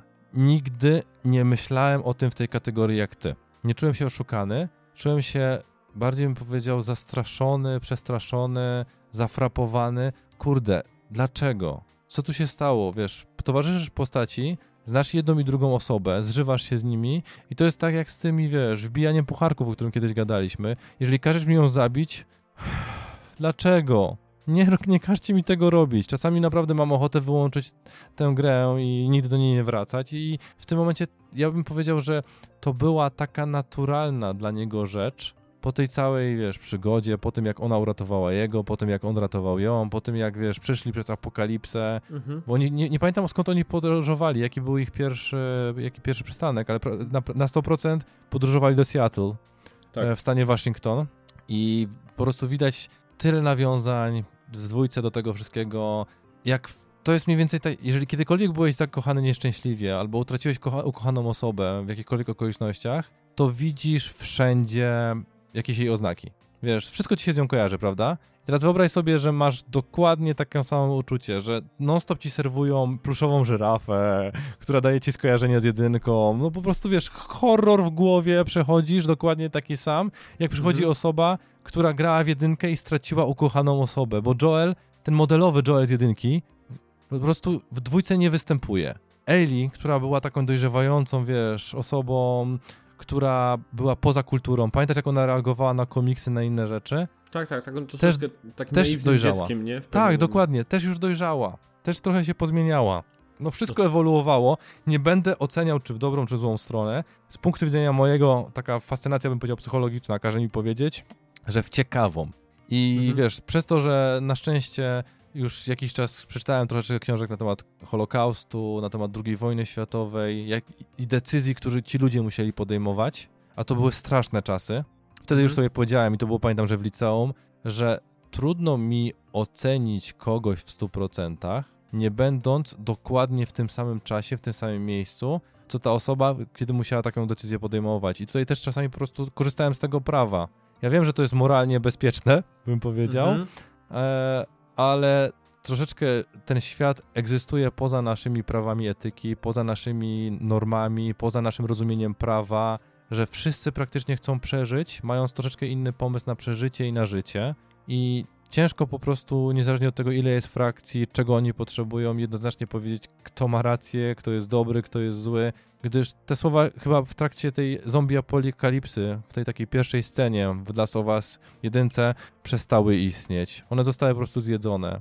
I mhm. jeżeli my byśmy kiedykolwiek postawili się w takiej samej sytuacji, musielibyśmy na nowo budować kodeks myślenia o tym wszystkim, nie na bazie tego, co było, bo to już nie wróci, prawda? Jak to mówią Czesi, to se nawrati, e, tylko na bazie nowych norm, nowych możliwości i tego, co mamy pod ręką. I tu jest dokładnie, wiesz, ta tak samo. Istnieje tylko to, co widzisz i walczysz tylko tym, co masz pod ręką, czyli tymi metodami, żeby dojść do celu. I hmm. to jest chyba taka główna rzecz, która chyba warto, żebym podkreślił. Każdy no. ma prawo do swojej oceny tej historii po jej przejściu lub po jej zaprzestaniu, bo możesz, wiesz, skończyć po trzech godzinach i stwierdzić, że ta gra ci nie leży. I mam wrażenie, że Naughty Dog jest na to przygotowane. Że wiesz, zaserwowali właśnie to, żeby zobaczyć, jak ludzie zareagują, że troszeczkę się spodziewali tego, że takie, a nie inne postacie mogą w odpowiedni sposób zareagować, że mogą spowodować u niektórych gniew, u niektórych, hmm, kurde, faktycznie, jeżeli bym taką osobą i tak się zachował w tych rzeczywistości, to musi być dla niej trudne, żeby tak egzystować. Wiesz co, będę bardziej o nią dbał, wiesz, będę bardziej o tym wszystkim myślał i tak troszeczkę twoje myśli na tej postaci się zakorzeniają, jest taka jakaś forma torowania czegokolwiek innego w tym całym zakresie. Natomiast, wiesz, trzeba oddać Naughty Dog naprawdę gigantyczne brawa, że to jest jakaś forma dzieła, która nie pozostaje obojętna. I to mogę powiedzieć z pełną premedytacją, bez jakiejkolwiek oceny, że mhm. ta gra nie ma jakbyś ludzi na środku. Nie ma, wiesz, nie, nie ma obojętności takiej, przeszedłem, ale wczoraj mhm. też zrobiłem kawę. Tylko albo ci się podoba, albo ci się nie podoba. Albo jest skrajnie nie podoba, albo skrajnie nie podoba. Ale nie ma tak, że kończę w środku, bo powody. Tylko kończę z jakiegoś powodu. Albo przechodzę całą grę, przechodzę drugi raz, dowiaduję się coś innego, jest, jestem wkurzony, jestem, no, taki psychologiczny rollercoaster. Z tym trzeba się liczyć, pewnie oni się liczyli, ale z, z, wiesz, z mojej strony to jest to, że naprawdę to nie jest, że ja patrzę na tą grę tylko i wyłącznie pryzmat, przez pryzmat jednej gry. Ja jestem naprawdę wdzięczny temu zestawowi sześciu już w chwili obecnej gier, które sprawiły, że moje życie przestało być takie jednowymiarowe. Troszeczkę, wiesz, zapewniło mi fan, zapewniło mi możliwości podróżowania po miejscach, w których albo nigdy nie chciałbym być, bo ja się z tobą w 100% zgadzam. Ani lewą nogą, ani prawą nogą, ani którąkolwiek ręką nie podpiszę się pod tym, że chciałbym w świecie Last of Us nie wiem, nawet na sekundę przebyć. To nie jest świat piękny, to jest świat brzydki, aczkolwiek graficznie dopracowany. To jest, wiesz, to, to jest ten dysonans. Mhm. Że ty no, wiesz, tak, z jednej... jest jeden boss, który wygląda tak pięknie w swojej brzydocie, w swoim skomplikowaniu, że się zastanawiasz, kurde, dlaczego, nie? Ja będę miał koszmary nocne. To jest, mm. wiesz, to jest jak w, chyba w Outlaście dwójce, nie? Mhm. No, spoko, ale jakbyście go mniej dopracowali, to mniej bym się w nocy bał. No. Ja pamiętam, że właśnie w sobotę rano wstawałem na tego bossa z takim przeświadczeniem, że kurde, nie uda mi się go pokonać, bo już mnie zabił, nie? Mm. E, no i wiesz, i ten, ten, ten, świat właśnie to jest taka kompletna niespójność, natomiast światy, które Uncharted widziałem, pomimo, że tam też są jakieś elementy magiczne, bo pewnie grałeś chyba w którejś z tych części -hmm. Unchartedowe. Tak, jasne, jasne. No, nie, nie grałem tylko w części z PS4. E, mam na półce nawet folii, zarówno czwórkę i. Dobra, to dajesz adres, ja tam przyjeżdżam i zrywam ci tą folię, bo Uncharted 4 albo przejdziesz w ciągu dwóch miesięcy, albo my się przestajemy do siebie odzywać, nie? To, to, to jest, wiesz, to jest tego rodzaju uczucie. Że no. Uważam, że Uncharted 4 zmieniło troszeczkę moje pojmowanie e, na gry liniowe. Każda z tych gier jest bardzo liniowa. Tu nie mamy wyborów, tu nie mamy możliwości, tu nie mamy, wiesz, różnych podejść i tak dalej, bo nadal wiemy, że z punktu A dojdziemy do punktu B. Ta droga może się różnić w kontekście, wiesz, detali, ale nadal będzie bardzo podobna, ale nadal to jest bardzo ciekawy sposób przejścia. I Uncharted 4 dorzucił do tego dodatkowe właśnie takie mechanizmy półotwartych światów albo takiej dodatkowej narracji, która już była dobra w poprzednich częściach, ale teraz została udoskonalona. No, troszeczkę wiesz, i z nostalgią patrzę na tą grę, i z nostalgią patrzę na tą edycję konsol, i na to wszystko, co mi do tej pory się udało, i jeżeli za 60 lat będę, wiesz, nawet za 40 lat będę sobie w fotelu bujanym się bujał i myślał o Uncharted, tych grach, które wyjdą później, bo powiedzmy sobie szczerze, Uncharted 4 się zakończyło. Już nie ma historii Natana, już nie ma historii brata od Nathana, już mhm. sam też ululany, wiesz, w końcu mógł odejść na emeryturę. E, Chloe razem, teraz zapomniałem jak się nazywała, antagonistka z czwórki, a potem bohaterka z, piąt- e, znaczy z Lost Legacy, która też była mega ciekawą postacią.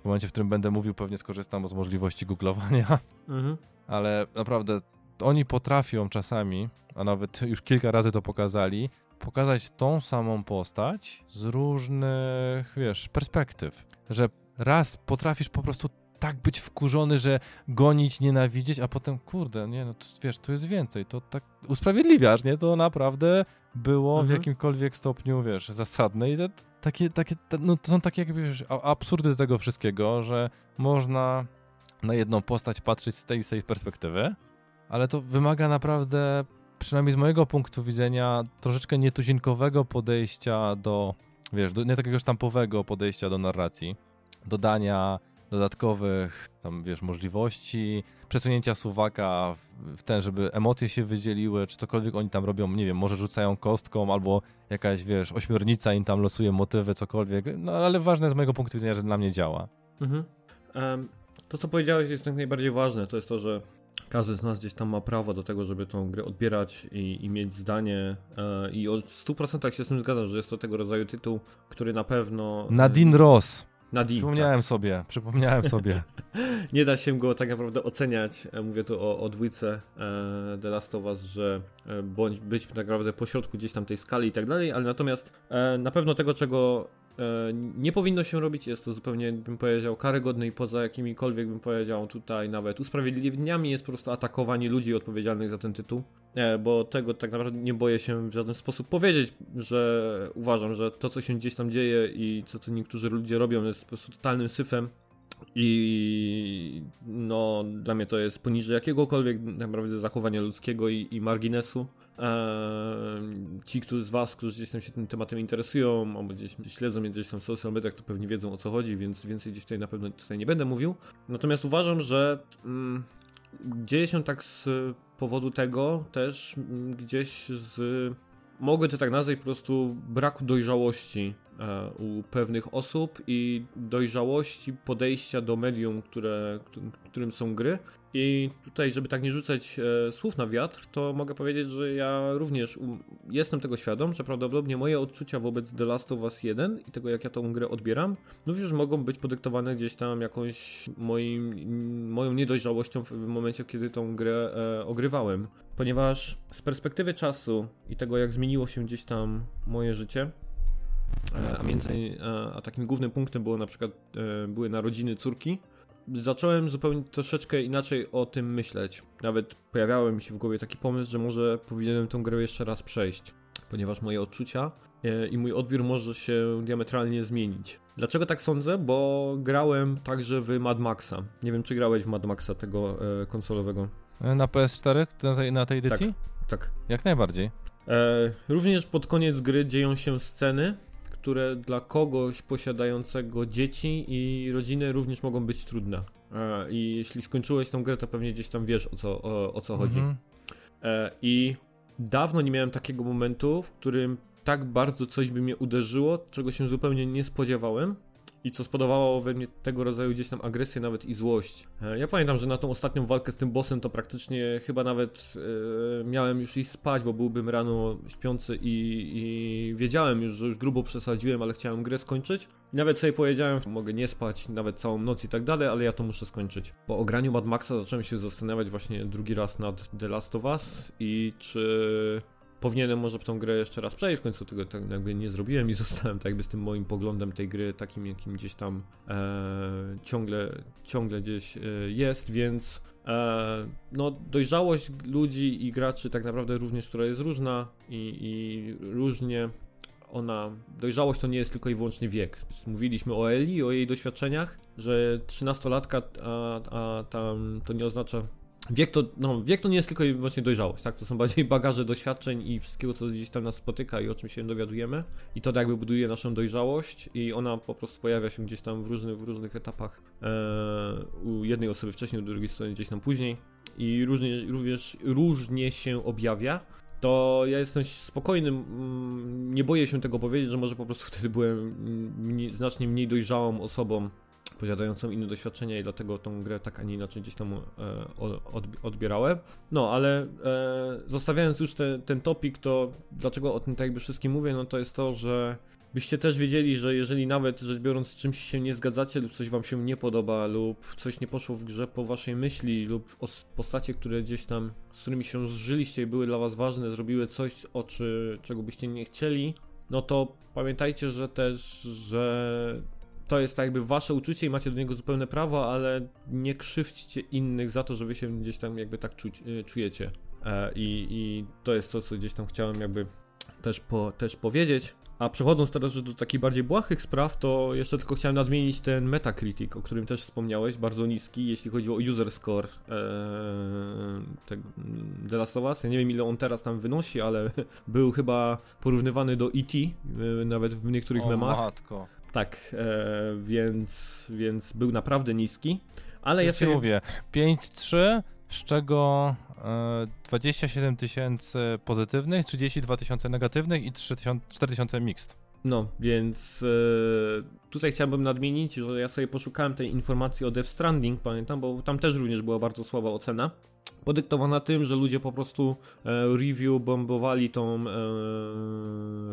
e, bombowali, o tak to można przetłumaczyć, e, tą grę za, za wypowiedzi Hideo Kojimy, nie? Tam oczywiście ludzie bardzo się spieli na te, te jego tweety, że on tą grę tak jakby sam robił e, i Metacritic usunął w końcu, tutaj widzę informację o 6, 6 tysięcy negaty, negatywnych e, recenzji tych użytkow, użytkowników e, z serwisu no bo one były po prostu bardzo bym powiedział, e, jak to się mówi, e, niewiarygodnej treści. To po prostu wiecie, no były wpisane na zasadzie QAS, WASD, bla bla bla i tak dalej, losowe, losowe znaki były wpisane i oczywiście ocena 0, 1 i, i tak dalej. I ja jestem spokojnie w stanie uwierzyć, e, bez żadnego tak naprawdę żadnego problemu, że, że ludzie wchodzą i dają takie oceny tylko i wyłącznie, nawet nie grając, nie przechodząc i, i tak dalej, tylko po to, żeby po prostu gdzieś tam e, się, się wyżyć. Widziałem to na własnej, na, na tak naprawdę na, na własną rękę na portalu e, PS Site, e, który gdzieś tam sobie kiedyś istniał.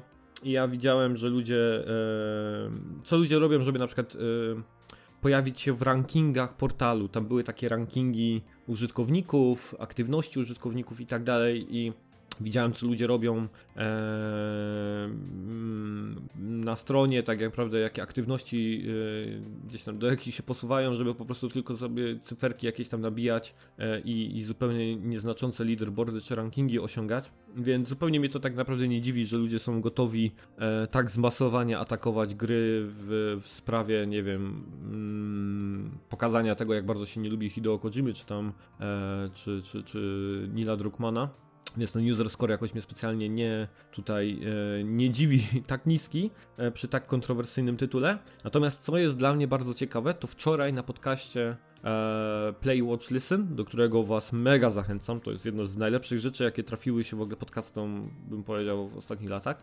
E, to tam rozmawiała akurat Alana Pierce z Troyem Bakerem, Mike'em Biffelem i Austinem Walkerem na temat e, procentowych ukończeń The Last of Us Part 2 i oni tam rzucali liczbą 55%, że 55% jest e, ukończenia, te, tego tytułu, co dla mnie jest mega osiągnięciem. E, to chyba też pokazuje, Bartek, mi się wydaje to, że w tej grze chyba nie można być obojętnym. Chyba, że jeśli się zacznie nią, to chyba chce się ją skończyć, nie? Że po prostu... Mm, żeby tak daleko mnie szedł, wiesz? Bo, wiesz, ja jako naukowiec troszeczkę, mhm. bo nie, nie wybitny ani nic w tym stylu, ale jednak wiem, że mówiąc, że zawsze wobec tej gry nie, nie wszyscy nie są obojętni, to też jest, wiesz, nadużycie. No tak, tak. Nie dysponuję żadnymi liczbami w tym zakresie. Dysponuję na razie swoją własną opinią, wynikiem na metaskorze. Może on się okaże prawidłowym, może nie.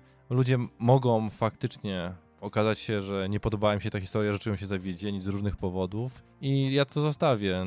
Tym, tym, tym, z czym przyszedłem praktycznie tutaj, to jest, wiesz, podzielić się moją opinią i moimi odczuciami, na które już w chwili obecnej te oceny nie będą miały żadnego wpływu, bo ja swoje przeżyłem, ja swoje wyciągnąłem, ja swoje wiem. Możemy podyskutować, jestem jak najbardziej otwarty, co ludzie o tym sądzą, co im się podobało, co im się nie podobało, dlaczego uważają, że zero. Ja może pokażę im, jaka jest różnica, bo jednak, wiecie, warto mieć taką platformę czy możliwość wymiany opiniami ale nie na takiej zasadzie, że wiesz, że będziemy się bili e, za to, że mamy zmienne opinie. Ja z tobą mamy odmienne opinie, a jednak ze sobą się dogadujemy w jakimś stopniu. Tobie się rzeczy Dzisiaj nie podobają, ogłosiliśmy, że będziemy tak. razem nagrywać, nie? Więc głupio by było. No ale wiesz, ja mam nadzieję, że będziemy się sprzeczać, bo to by było nudne, gdyby nam się podobały te same gry. Tobie się już nie podobało no Last of tak. Us 1, mi się podobało, nie? Więc już mamy na bazie jedynki i dwójki pewne różnice odczuć, bo twoja decyzja o nie rozpoczęciu gry w dwójkę też jest formą decyzji. I mhm. wiesz, też możesz jej wystawić taką ocenę przez pryzmat braku podjęcia chęci grania w nią, więc to też jak najbardziej jest, wiesz, ważna informacja dla osób, które takie gry tworzą. Jasne, jak, jak, jasne, jak, jak najbardziej tak. Więc to, tym, co wiesz, po twojej wypowiedzi ja bym chciał po prostu dodać, to jest to, żeby po prostu, czy dacie gry, tej grze szansę, czy nie, macie prawo do swojej opinii, jak najbardziej. Może być ona bardziej skrajna ode mnie. Ja chyba jestem bardziej w kierunku wiesz, bardzo dobrej gry skierowane, niewybitnej, mówię. Wybitnych gier w moim życiu było mało, ale to wojny raczej tej takiej karcianej nic nie przebije, bo ona jest idealna. I wiesz, i ona nie ma żadnych problemów, tak mówiąc bardziej żartując, bo jest takich kilka gier, które chyba już w tym podcaście mówiłem, że dla mnie są idealne i dla mnie były mhm. mega przyjemne i mega odkrywcze, ale też istnieje po prostu większe, duże prawdopodobieństwo, że to nie jest odpowiedni moment dla Last of Us. Ludzie są nastawieni na PS5. Mogą to traktować, wiesz, jako o kurde, i tak za, pór, za rok czy za dwa lata, tak jak było w przypadku Last of Us 1, wyjdzie remaster. Więc wiesz, to jakiś skok na kasę czy cokolwiek innego.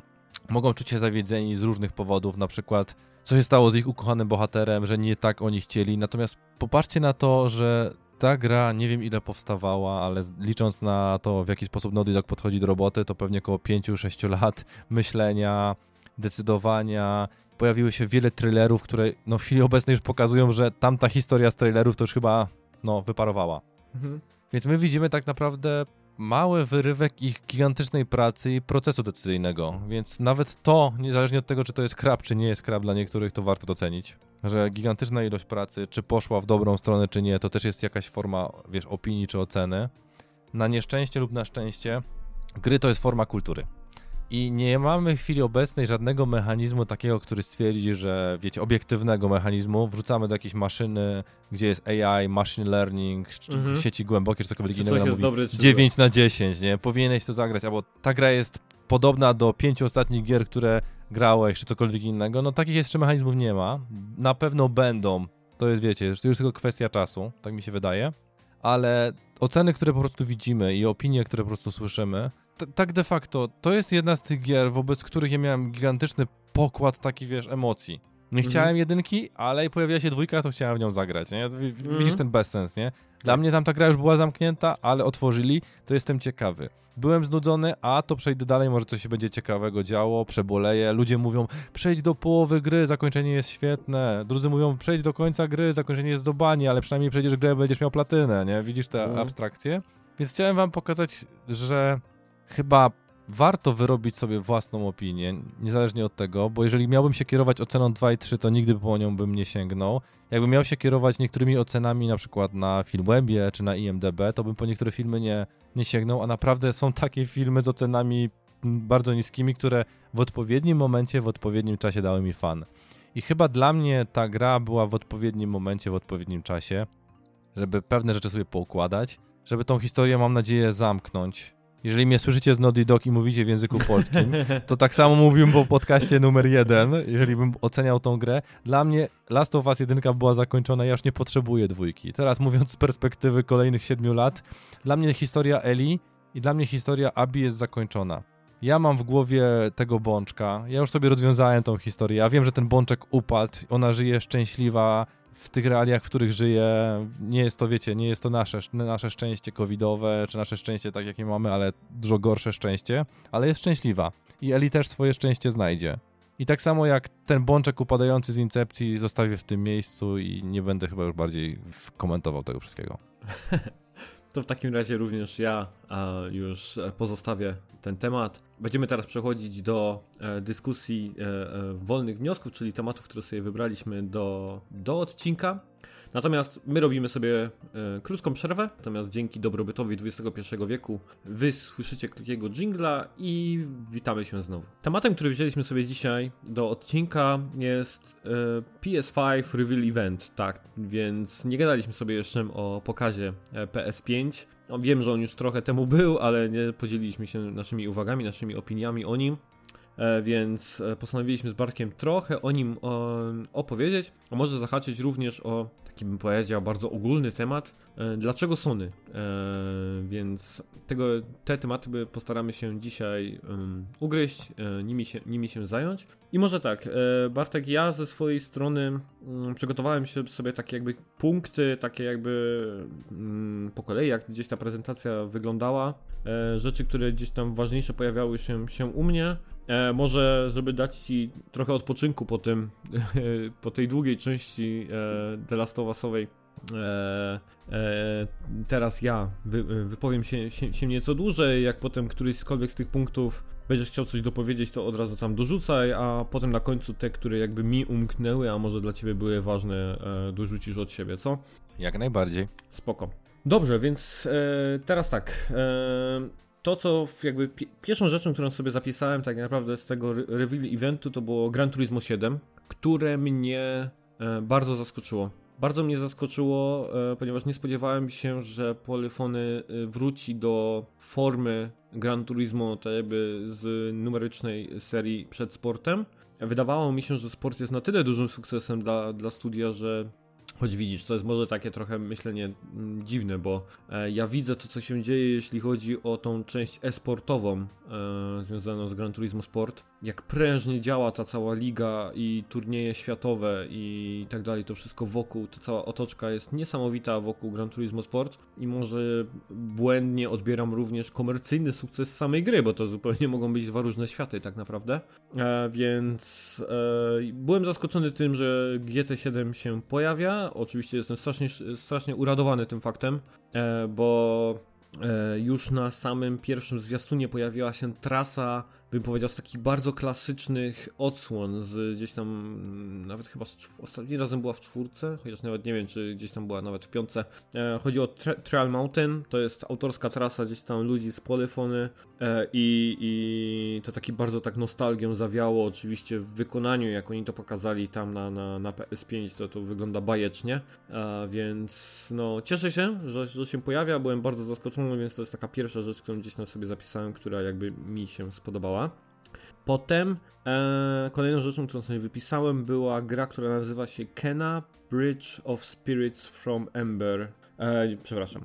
Była gra Kena Bridge of Spirits e, od studia Ember Lab. E, prześliczne. O, to taki bym powiedział kolejny taki pstryczek albo kolejne nawiązanie do jakości produkcji e, Pixarowych, bo to, bo to już jest ten taki jakby ta, ta jakość e, wizualna, więc wyglądało to naprawdę fajnie, przepiękna muzyka również, e, więc zobaczymy jak wyjdzie w praniu, jak będzie gameplay i, i tak dalej, bo z takich walorów estetycznych, estetyczno-artystycznych mm, zapowiada się, zapowiada się świetnie.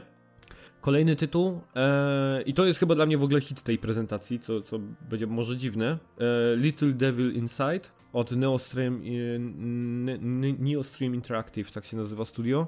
E, ja po prostu zupełnie oczarowany tą, tym zwiastunem, który, który zobaczyłem. E, dokładnie jeszcze nie wiem, jak ta gra będzie wyglądać, co tam będzie się działo i tak dalej, ale jej klimat, atmosfera, e, humor i cała, cała, cała, wszystko, co by tak naprawdę było pokazane zwiastunem, strasznie mi się spodobało i e, na to na pewno czekam. E, może, mm -hmm. może się to wydawać dziwne, ale mm, przy, przy, tym, przy tym dobrobycie wizualnym, który tam pokazano, ale Little Devil Inside dla mnie naprawdę tutaj zarządziło bardzo mocno. No, w końcu się mogę z czymś zgodzić z tobą, nie? Bo tak czekałem po tych dwóch grach, mm -hmm. które tak mnie poraziły, jak nie znajduję w chwili obecnej nic, co mnie nie poraziło. tak de facto nie. Szczerze powiedziawszy, właśnie Gran Turismo, ale to wiecie, ja tak ścigałki lubię jak. No nie lubię po prostu, to nie jest kompletnie mój Nie wychodzą ci dzisiaj tu porównania, powiem ci. Nie, chciałem trochę przeklinać, ale wiesz, utrzymuję się dalej w konwencji Last of Us, czyli nieoceniania niemetaforycznego, troszeczkę bardziej chcę w taki sposób mówić. Mhm. I dla mnie Kena po prostu troszeczkę tak. Znaczy, najpiękniejszą rzecz w Kenie są te takie czarne, piękne. Ja nie wiem, co to jest. Tak. No. Ja bym takie coś przygarnął. I wiesz, to mi znowu pojawiają się takie w głowie, takie, przynajmniej po tym y, trailerze, czy tam zwiastunie, nie wiem jak to nazwać, bo nie wiem, czy to jest na silniku gry, czy nie, więc czy to jest teaser, czy to jest trailer, czy to jest cokolwiek innego. To mi się pojawia takie w głowie, że cholera, czy ktoś tu nie próbuje zrobić czegoś ala Zelda? Troszeczkę Zelda z pomieszaniem z patap... Nie pamiętam jak się nazywały te takie małe z Nintendo. Patapony. Co się... E, patapony? nie, pfu, patapony to były na PSP rytmiczna. Mm, tak, właśnie, ty, to była ta rytmiczna. A ty myślisz o Pikminie. Tak, o Pikmin, właśnie, dokładnie. I to, wiesz, to, to jakby połączenie dwóch takich nintendowskich stylów, je, jest to poprawne, jest to spoko, ale no, no nie, nie, nie powala mnie. Natomiast właśnie stylistyka gry, o której wspomniałeś, która te Little Devil tak? Mm, inside, tak ładnie, Little Devil. Little Devil Inside. To mi po prostu brzmi jak gra, którą kiedyś grałem, też miała Little w nazwie, nie Little Big Planet, tylko teraz sobie Little Big Adventure. Po prostu stylistyka kompletnie odjechana. Coś, co wygląda potencjalnie, co mogłoby być Monster Hunterem, co mogłoby być Bloodborne'em, czy Soulsami. Mhm. E, w którym pojawiają się postacie przerysowane rodem, no czasami nawet wyglądały jak rodem z Bleacha, czyli z takiego mangi, czy też płytem, a potem anime, które dość, bym powiedział, trafiała w moje gusta do pewnego momentu. Mhm, tak. Szczególnie ten marchewko, marchewkowy e, słoń. Kurde, kto na to wpadł, żeby takie rzeczy po połączyć? No. Paleta barw jest bardzo, bym powiedział, szczupła, bardzo bym powiedział mhm. mroczna, ale jest faktycznie coś w tej grze, co z jednej strony mówi, że ma potencjał, z drugiej strony mówi, kurde, troszeczkę jadę Journey troszeczkę możecie się spodziewać jakiejś formy podróży, tylko że z większą ilością mordowania, strzelania. I humoru. Trochę tak, bo ten kotek, który w pewnym momencie się pojawia, to jest ewidentnie taki pstryczek, wiesz, gier typu Alice, mhm. że coś tu się będzie działo takiego odjechanego świata. I to jest faktycznie gra, która znalazła się na mojej liście, która pokazuje, że kurde, zagrałbym. Nie wiem, co to jeszcze jest, ale po samym trailerze, po samej szacie graficznej, po kolorystyce, po tym, co się może potencjalnie dziać, to jest obietnica złożona mi, po którą ja na, na 100% sięgnę. Mhm. U mnie dalej na liście e, Oddworld e, Soulstorm. E, ja e, bardzo, bardzo lubię dwie części Oddworlda, które pojawiły się na PS1. Tam chyba było Exodus i Odyssey, tak? To były chyba te, te dwie odsłony. Trochę mniej mi się spodobał Strangers Wrath, tak? To był ten, ten taki spin-off, e, taki bardziej gra, gra akcji. E, pamiętam, że próbowałem to ukończyć, ale mnie znudziło. Nie grałem w remake e, Abe'a, ten jak on się nazywał? Entasty, tak? Tak był chyba tak? Tak, tak. E, najnowsza część, tak? Tak, tak. No, no, New and Tasty. New, no właśnie, New and Tasty właśnie. E, to e, nie grałem, nie grałem, no bo odpuściłem sobie, bo te gry z Play, to były odświeżone gry z Play 1, które dobrze znałem i wielokrotnie kończyłem, więc nie miałem jakoś specjalnie ochoty. E, ale Soulstorm wygląda e, na, na bardzo, bardzo ciekawy tytuł, fajny tam zarys fabularny nam pokazano, tam trochę imponujących bym powiedział efektów. Fajnie, że gra nie odeszła zbytnio od swojej formy, e, co, co, co, co, też mi się podoba, więc tak, to jest kolejny tytuł, na który czekam. Poza tym bardzo, ale to bardzo lubię e, Lorna e, Laninga, czyli twórcy, twórcy gdzieś tam, gdzie Abe'a. Wielokrotnie miałem okazję słuchać go w różnych podcastach. Jest naprawdę ciekawą osobą, z bardzo ciekawymi opiniami i, i no tak naprawdę no, też jego osoba mi tą, tą grę jakby sprzedaje. E, kolejny tytuł Solar, e, Solar Ash od e, Heart Machine, Anapurna jako wydawca. I teraz tutaj właśnie, no, o ile sceptycznie podchodziłem do zmiany gdzieś tam by powiedział stylistyki, bo jednak ja ogromnie uwielbiam Hyper Light Driftera. Tytuł dla mnie kolejny taki powiedział indyk z kategorii wybitnych, który na mnie zrobił mega wrażenie. Troszkę ten odejście od pixel artu tak jakby mnie martwiło, Natomiast widzę po tym zwiastunie, że w tej nowej grafice również robią ciekawe rzeczy, bardzo artystycznie ciekawe. No i muzyka. E, I tutaj matko, czy, kto robi muzykę? Chyba Disaster chyba robi muzykę do, do, do, zarówno do Hyper Light Driftera, jak i tutaj Disaster albo Disaster Peace, teraz nie pamiętam jak się nazywał ten, ten, ten, ten, ten artysta. Natomiast e, motyw muzyczny również bardzo, ale to bardzo podobny do Hyper Light Driftera, co, co też buduje niesamowity klimat, więc czekam. E, mimo tego, że zmieniło się wizualnie, to ten Solar Ash e, też e, czekam mocno na to, na, na to co, z tego, co z tego wyrośnie. Kolejnym tytułem, który sobie zapisałem, e, Ghostwire Tokyo e, od Tango e, Gameworks, czyli od Shinjigo Mikamiego i, od jego ekipy z, pod przewodnictwem gdzieś tu Bethesda Softworks. Tytuł, który mnie bardzo, ale to zaskoczył swoją formą. Bo ja się w ogóle, ale zupełnie się nie spodziewałem, że oni zrobią grę z pierwszej perspektywy i że ona będzie tak wyglądać, um, tak wizualnie, więc bardzo jestem zaskoczony tym, jak to, jak to wyglądało. Ona mi nawet w pewnym momencie wyglądała na grę VR. E, i, I tak nawet, nie, no raczej nie będzie grą VR, to będzie raczej tam gra po prostu z, pie z pierwszej osoby. E, natomiast bardzo wizualnie ciekawa, I, I tematyka też mi się podoba, gdzieś tam takiego bym powiedział Tokio, mocy bym powiedział nadprzyrodzonych i, i tak dalej, więc jest, znaczy nie wygląda strasznie. Znaczy, tak bym powiedział, to nie wygląda, bym powiedział, tak psychodelicznie strasznie, jak na przykład gdzieś tam Resident Evil czy The Evil Within, e, mimo tego, że są tam również i, i postacie slender, slender, slendermanowate i, i... Znaczy tam jest bardziej zapięta kultura japońska, bo tam jest dużo takich duchów, boginów i tak dalej, demonów, wynikających właśnie stylistycznie z kultury japońskiej, ale momentalnie mi to leciało super hotem że pojawiały się tak jakby, wiesz, no, no. zaproszenie, żeby, kurde, gdzieś widziałem podobną stylistykę, gdzieś widziałem podobne, wiesz, rzeczy. Na szczęście to, czy na nieszczęście, ale to nie jest graturowa, mhm. e, że czas zwalnia, tylko właśnie taka bardziej akcjowa. Natomiast to jest właśnie, co do mnie w tym obrazie przemawia, to jest po pierwsze grafika, mhm. po drugie widać, że jest jakieś takie machanie pomiędzy kulturą wierzeń japońskich, tak. pomiędzy czymś, co jest, bym zakwalifikował do Ghost in the Shell mhm. style, czyli że pojawiają się jakieś elementy właśnie nie cyberpunku, tylko właśnie tej stylizacji, teraz zapomniałem jak się nazywa. I jedyne właśnie, co mnie przeraża, to jest ta pierwsza perspektywa. Nie spodziewałbym się, że w grze tego rodzaju ktoś umieści pierwszą perspektywę. No. Jeżeli to jest VR game, spoko to jak najbardziej rozumiem, bo to tu pasuje. Tak. Natomiast why FPS? Why first person something? Bo to nie jest shooter, tylko to jest jakiś toucher, pusher, Tak, tak. puncher czy cokolwiek innego, nie? Gdzie tu jest ta, co oni chcą, żebym przeżył? Bo to jak powiedziałeś, to nie jest horror. No. To jest jakaś forma, wiesz, znowu podróży na bazie jeszcze nie wiem czego, ale tu jest tak dużo rzeczy, które się pojawia, tak na razie niepowiązanych. Nie mamy ani lore, nie mamy ani informacji o tym, dlaczego on to robi. Tylko, że po prostu cześć, masz wolną niedzielę, idziemy napieprzać demony. Mhm. No, więc tak jak powiedziałem, ja byłem, jak, jak e, zobaczyłem, bo oni zaczęli to pokazywać od takiego samej formy, jak chyba wtedy na E3 to pokazywali na konferencji Xboxa, do czego po opowiedzeniu wszystkich moich gier też nawiążę, bo to jest strasznie ciekawe w tym wszystkim, w tym reveal evencie, e, nawiązanie gdzieś tam do konferencji Xboxa. E, jak zaczęli o tej, tę, tą grę pokazywać, to generalnie o fajnie, zobaczymy więcej z Ghostwire Tokyo i potem zobaczyłem tą pierwszą perspektywę i tak first person? Serio? I tak totalnie zostałem po prostu wgnieciony w fotel, bo się nie spodziewałem, że to będzie z pierwszej perspektywy.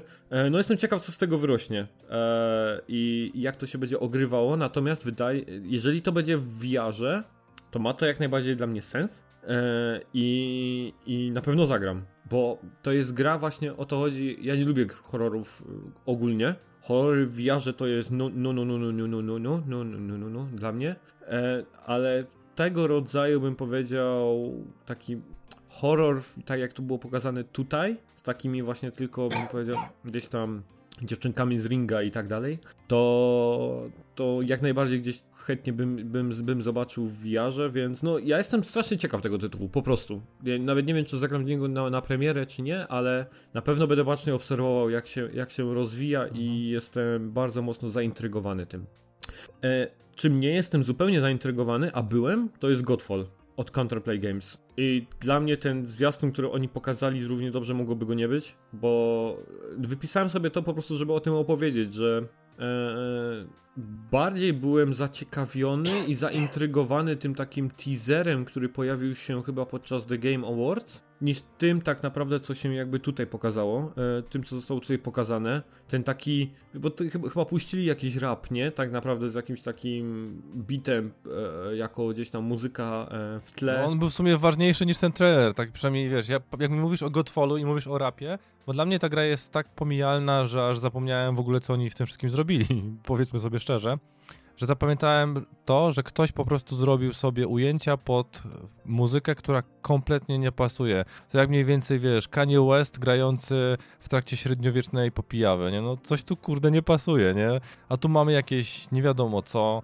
niby to rycerze, niby magia, no z mojego punktu widzenia, wiesz, jakaś forma slashera, która chciałbym być God of War'em, gdybym miał jakiekolwiek jaja. No, tak jak mówię, ten teaser początkowy mnie zaciekawił, a tutaj po prostu tak zupełnie powietrze ze mnie zeszło z tego tytułu i tak dalej. Nawet wydawało mi się te maski, te takie wiesz, ten lew tam i tak jakieś takie inne tam, tam, tam, e, tak dalej, to wyglądało tak ciekawie i nie wiem, pff, nie wiem, nie wiem. Może, może pozazdrościli Ubisoftowi, wiesz, napieprzanek na miecze No. i stwierdzili, a, zrobimy coś szybszego. Nie mam pojęcia. Co, I tak naprawdę tytuł z tego, co, że nawet czekałem i się wyczeki gdzieś tam e, chciałem wiedzieć więcej, tak naprawdę zupełnie zszedł z mojego radaru.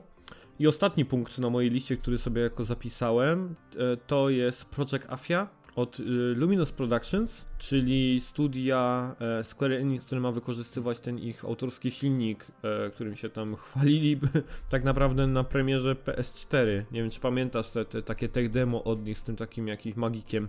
No wiem, ten taki czarodziej pół twarzy tutaj to Tak. ko- kojarzę. No, tak, nie, nie, tak, tak. Oni się wtedy chwalili tym silnikiem i nie za dużo tam tak naprawdę z niego wyciągnęli.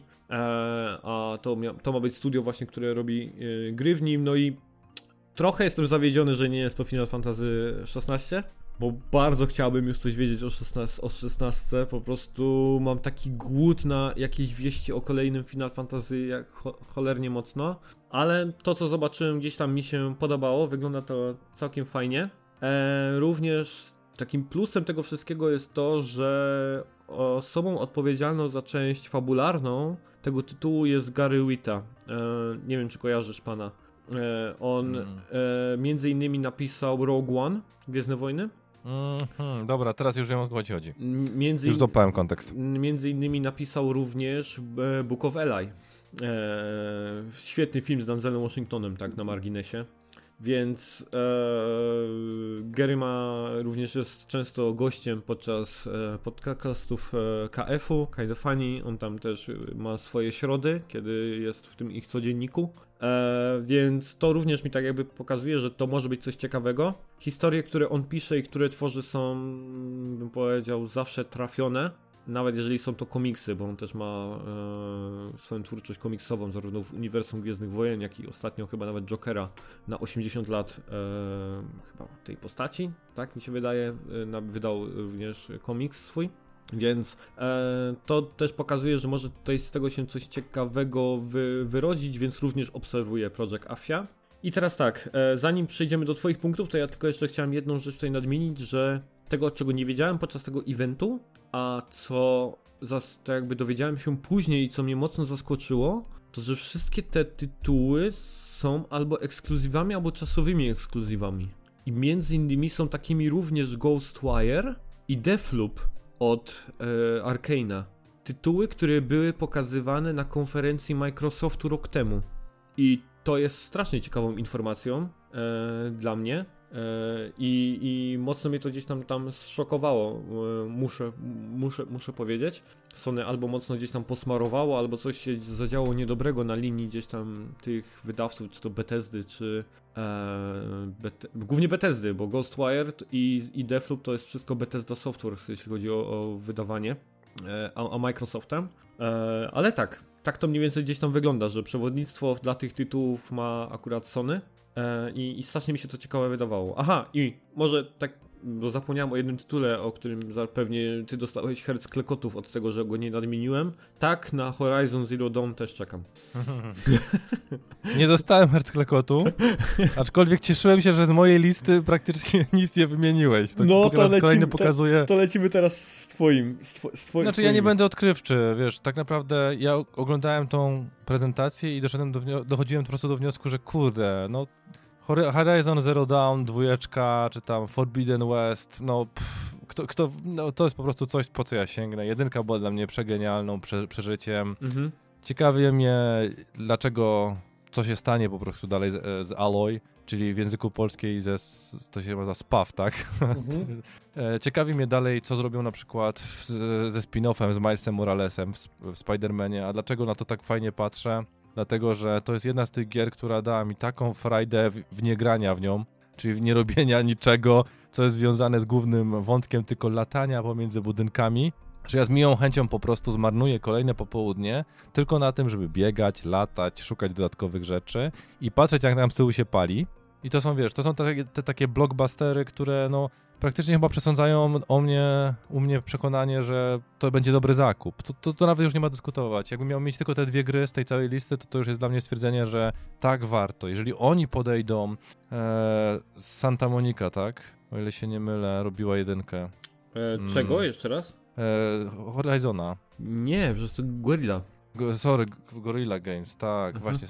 Ci, ci ba- bawili się wtedy przecież tym, God of War'em. God of War'em, tak. E, a oni stwierdzili, że już nie robią first person sh- shooterów Shooterów. typu właśnie, kurde, tak, FPS-ów Mhm. i zrobili to. Dla mnie to było po prostu nie, niezrozumiałe. Jak, dlaczego? I stwierdziłem, dobra, to ma sens. Nie, to co zrobili, jeżeli oni podejdą do tego świata w taki jak, sposób, jaki jest przedstawione, że jest on tak bardzo kolorowy, ciekawy, że więcej się dzieje, No. że pojawiają się te takie monstrualne, prastare po, potwory, które mają jakiś sens, może są nawet po naszej stronie, ale coś wnoszą.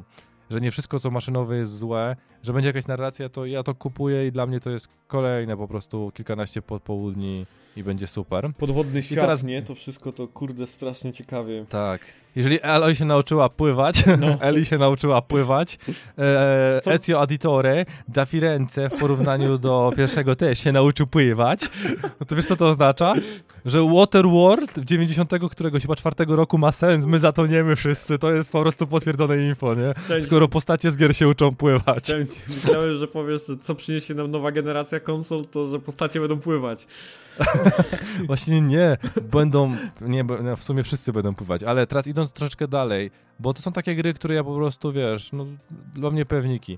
Moje serce mi podpowiada, mhm. że grą, która tak na serio sprzedała już tą konsolę, jak ją zobaczyłem, zobaczyłem co się dzieje i uwaga, dla wszystkich ludzi, którzy mają więcej niż 35 lat, tak jak tutaj siedzący przed wami koleś przy mikrofonie, to jest Ratchet i Clank, Rift Apart. To jest po prostu, ja uwielbiam wszystkie gry do tej pory z serii Ratchet i Clank, które nie mają ze sobą nic praktycznie spójnego, ale są przekomiczne, mają fajne postacie, mają fajny gameplay, bardzo przyjemny, nie jest jakoś mega wymagający, bo to nie jest, wiecie, to jest jednak gra dla dzieci, ale te światy, te budowanie, ta konsekwencja w tym wszystkim, no ja troszeczkę jestem fanem tego studia, bo chyba powiedziałem kiedyś, nie wiem czy powiedziałem kiedyś, że e, niezależnie od tego, dla kogo oni wydają te gry, czy dla strony w chwili obecnej białej czy czarnej, w kontekście tego, czy to jest białe PlayStation 5, czy czarny Xbox Series X. Wcześniej były wszystkie czarne i było wszystko spoko, a teraz zaczęli jakoś kombinować z tymi e, Zawsze można powiedzieć obóz niebieski i zielony, nie? To jest dalej adekwatne. Ale oni nie mają... Te... Co, co, co teraz pokazuje, że to jest obóz niemiecki, raczej niebieski? E, czy zielony, obóz niemiecki? To nie wiem, co tak, można pokazywać. Przepraszam panie, przepraszam panie Niemiec, pan mi się po prostu kojarzy. E, nie, nie, nie, niestety.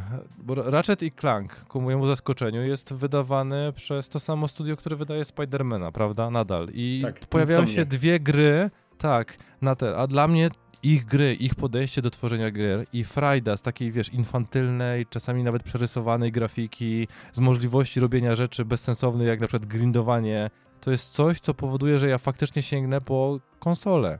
Mhm. Tak samo zrobiłem z Xboxem One. Ja stwierdziłem, że Sunset Overdrive jest na tyle wartą grą, po tym co widziałem i kurde się nie zawiodłem, że kupiłem. Oprócz tego pograłem w Gearsy, bo dla mnie Gearsy to jest po prostu, wiesz, fenomen, który e, po prostu łata moje serce, ale są ostatnie gry, które tam w jakimś stopniu mnie bawiły. I to jest, jeżeli to będzie gra zapakowana w pudełeczku, to ja po prostu kupuję. Mhm. I to jest, wiesz, to jest obietnica. I tak, kolejną grą taką większą, która też praktycznie już chyba nawet się nie zdziwisz, bo mówiłem o tym, że kocham Bloodborne'a, E, że widzę wszędzie krew. Mm. tak, blood, blood, blood everywhere. Mm. Że fiolki, tak, jak idę do kuchni, boli mnie głowa, to nie biorę apapu, tylko wstrzykuję sobie krew wilkołaka i dalej, i tamte mutacje. To jest Demon Souls. Aha. To jest jed... To przyznam się, że to jest jedna z tych gier, po którą sięgnąłem, a raczej nie sięgnąłem za późno to raczej bym powiedział. Więc jako, że już do mnie machają, to po pierwsze, panowie, z jednej strony doceniam, że dajecie mi Demon Souls na PS5. Po drugie, no Bloodborne 5, 2 e, się sam kuchnia nie zrobi, nie? A my tu czekamy na Bloodborne 2, więc wypuśćcie coś takiego, żebym ja miał w końcu frajdę. Tak. Wybaczyłem wam Sekiro, które jest kompletnie nie, wiesz, nie, nie sięgnąłem po niego, nie, nawet nie mam do dziś przekonania i ochoty. Nie wiem czemu, ale po prostu nie leży mi to. E, więc Demon Souls wezmę, ale traktuję to jako, bym powiedział, koszyczek z owocami w momencie, w którym jestem wściekły, że dalej nie mam Bloodborne 2. Mhm. I to są praktycznie takie rzeczy, które ja mogę dodać, bo wszystkie pozostałe to jest, wiesz, no Sackboy to jest tro, troszeczkę dla mnie zawód, że to się nie rusza w ani jedną, ani drugą stronę. Odward mi trochę śmierdział jakąś formą zerwania z przeszłością. Ja pamiętam gry z peceta, pierwsze części. Dla mnie to była naprawdę fenomenalna rzecz to wszystko przechodzić. A teraz widzę te masowe jakieś w trailerze mordowanie tych, jak oni się nazywają? Umoki? Yy, o, te, te, te... nie pamiętam tej rasy, tej... O, kurde, ja nie pamiętam tak, szczerze powiem ci tych oryginalnych nazw Abe'a nie, nie kojarzę. No pamiętam, że oni mieli jakąś fajną taką... Oczywiście, nie, e, że mieli. Tako, tak, na, na 100% mieli jakąś nazwę... E, tylko wiesz, Ape? tylko wiesz, bo oni tam pokazali w tym zwiastunie tak naprawdę co się dzieje, kiedy zawalisz, nie? Bo tam te wszystkie takie sceny, że tam... Mudokony! A, mud... Znalazłem. Tak. Internet góruje, Wikipedia znalazła. Mudokony. Ale chodzi mi o to, wiesz, przewijałem sobie, przygotowując się do tego podcastu i widzę po prostu takie dziwne momenty, kiedy pociąg przelatuje przez 50, wiesz, takie krwawe bardzo, no kuchnia, coś, czego ja nie chciałem dopuścić wcześniej, a tutaj się po prostu dzieje. To jakby, wiesz, no przeciągnęli troszeczkę suwak, e, ciekawości w kontekście, wiesz, tego, co się dzieje, kosztem tego, co było fajne w Abe'ie, co mi się wydawało, że wtedy, znaczy, co pamiętam, że było fajne, takiego mrocznego klimatu, uciemiężenia, czasami po prostu, wiesz, składałeś się w nocy, a tutaj wybuchy, ten, no zobaczymy, wiesz, nie mówię, że nie, aczkolwiek na chwilę obecną to jest znowu pewnie troszeczkę odejście od tego, co ja pamiętam, e, w kontekście tego, co chyba ludzie obecnie potrzebują. Ale według mnie ta gra taka będzie. Znaczy ja jestem nawet bardziej przekonany niż pewien, że właśnie ona taka będzie, że ta Ape nie jest sprzedawalny yy, marketingowo. E, jako gra, bo ta gra jest generalnie rzecz biorąc spokojna, tam bardzo dużo trzeba e, wyczekiwać, czekać na odpowiedni moment. E, sama rozgrywka jest, bym powiedział, bardzo taka, bym powiedział, no, no to już nadmieniłem, nie? To jest bardziej gra taka stealth, mhm. puzzle, zagadkowa, ale, ale spokojna yy, i tam trzeba dużą cierpliwością się wykazać, natomiast to nie jest sprzedawalne na zwiastunie. Ten zwiastun był takim zlepkiem sytuacji, które pojawia się dzieją, jeżeli e, tak naprawdę Ape schrzani swoją robotę i tam nawet to chyba było narracyjnie tak powiedziane, że Ape teraz jakby wyciągnąłeś tam tych mudokonów z tej fabryki, tak, teraz ich przyszłość leży w twoich tak jakby tam dłoniach czy coś takiego, nie?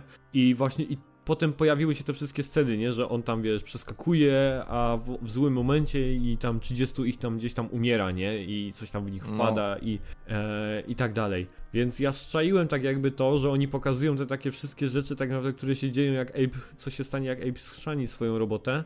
E, no bo to były jedyne elementy tak naprawdę akcji w, w Abe'ie, pamiętam na Playu 1, nie? Że tak naprawdę tam się mm -hmm. wybuchały i, i, flaki leciały tylko wtedy, jak naprawdę zrobiłeś coś źle, nie?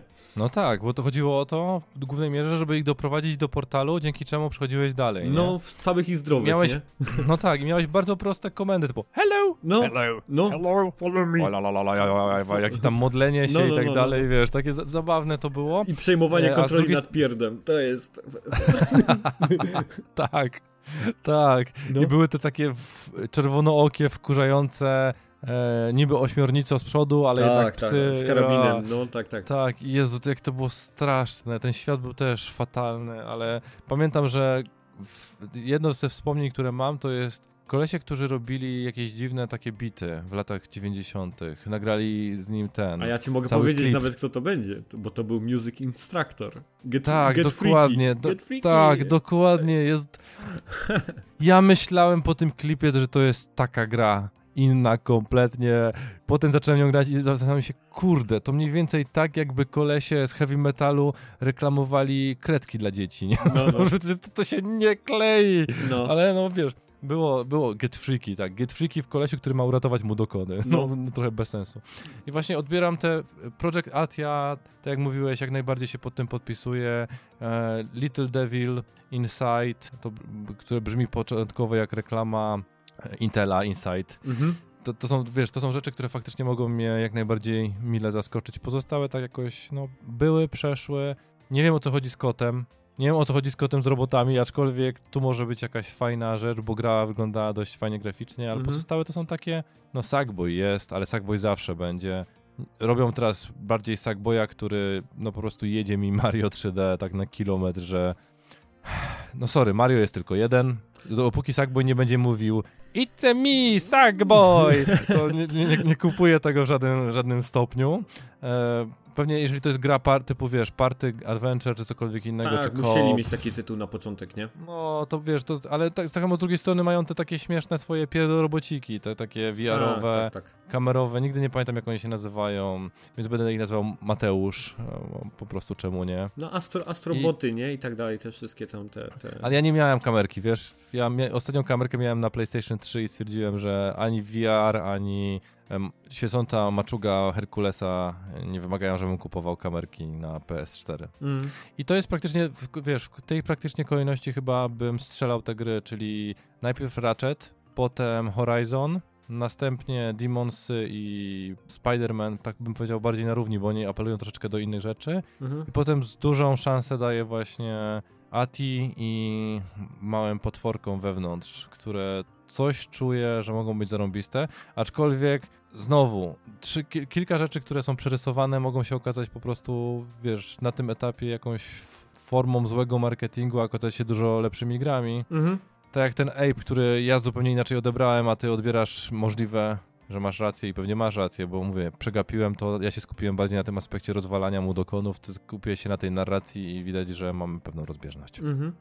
Zanim przejdziemy teraz do takiej finalnej oceny, no to e, sam reveal konsoli e, warto gdzieś tutaj jakby sobie poruszyć i po pierwsze bardzo fajnie gdzieś tam wprowadzony z tymi bumelkami gdzieś tam tworzącymi się. Ja byłem zaskoczony, że to jest reveal konsoli, bo fajnie były te ułożone, te w ogóle muszę powiedzieć, że te takie przejścia pomiędzy grami ile ich było i że one wszystkie były różne i tak dalej, to po prostu to szacun. Ale przejście gdzieś tam do pokazania tej konsoli było równie ciekawe. No i co? jeśli chodzi o wygląd konsoli, to ja jestem na tak. Podoba mi się, że ona wygląda tak e, mocno gdzieś tam futurystycznie.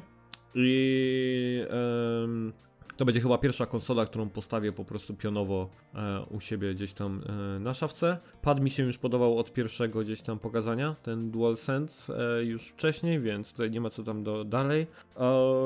słuchawek nie będę kupował, kamerki. Bo już masz. Bo już mam. E, mam nadzieję, że będą działać. Znam Sony i wiem, że bardzo lubią mieć takie podejście, że wszystko co było e, idzie do kosza i trzeba kupować nowe. E, więc mam nadzieję, że moje Platinum będą funkcjonować z PS5.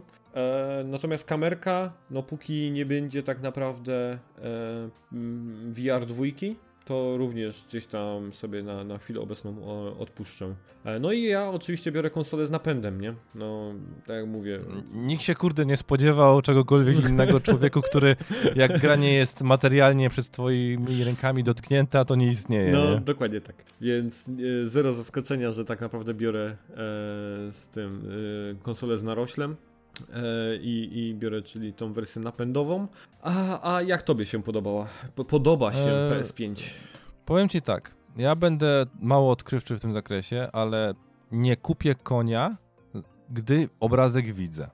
Więc na tej samej zasadzie, dopóki nie poczuję pada, jak leży w rękach, dopóki nie przejdę kilku godzin, zobaczę jak on się układam, to dla mnie design, czyli jego wygląd jest jakby powiedzieć drugorzędną cechą, bo tak de facto wygląda po prostu jak Iron Man w Avengersach, czyli wpakowali tym razem pada w biały kolor, dali mu ten sam skafander i powiedzieli będziesz podróżował w przeszłość. Mhm. Więc to do mnie wiesz, ani to mnie nie grzeje, ani mnie to nie ziębi. Ja miałem chyba białego pada. Ja lubię różnokolorowe pady, więc mam nadzieję, że będą też jakieś, wiesz, inne wersje tego wszystkiego.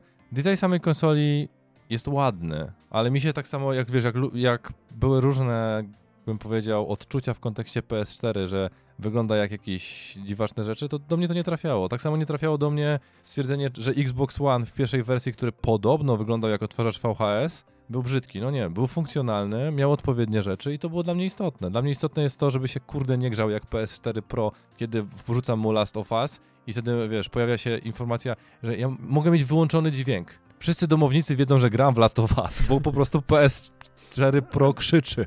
Krzyczy swoim wiatrakiem. Twoi sąsiedzi wiedzą, że grasz w The Last of Us. Najprawdopodobniej też, ale też najprawdopodobniej ludzie, którzy skanują z satelitą termiczną też wiedzą, że gram, więc to fajnie to wiadomo, musi wyglądać że... ten wzrok taki predatora, wiesz, tak po prostu, tak. jak tam przelatuje i z twojego balkonu tak bucha, nie? Takie po prostu gorąco. tak, wygląda bardzo, bym powiedział, ładnie z tym wszystkim. Jest to fajnie pomyślane. Ja lubię po prostu odważny design.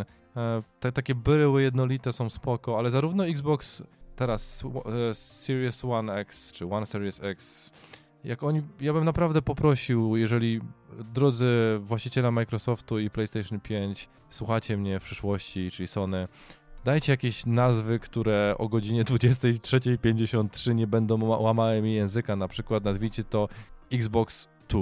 Bo był Xbox One, to kontynuacja może się nazywać Xbox 2. E, więc PlayStation 5 na, na, szczęście jest konsekwentne w nazewnictwie, więc kolejne będzie PlayStation 6, aż do 8, potem będzie dziesiątka, bo wiemy, że nikt nie wydaje dziewiątki, bo są hardkodowane rzeczy w kodzie i tego się nie da mhm. zrobić.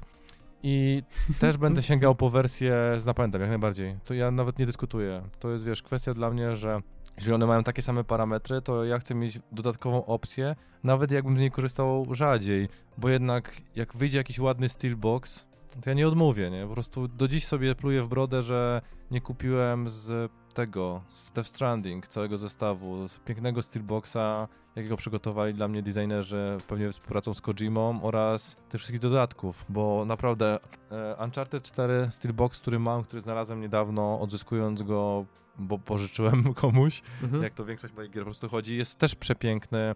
Ja strasznie lubię właśnie steelboxy, które troszeczkę inaczej do tego wszystkiego podchodzą, jak na przykład steelbox od Persony, steelbox od RDR-a i teraz będzie dziwny absurd, ale steelbox dalej jest ładniejszy niż gra grywalna dla mnie, więc dla mnie samo doświadczenie posiadania tego już zwraca koszt, jakie poczyniłem Fajne. kupując tą, tą grę, ale no po, poszła na półkę i leży.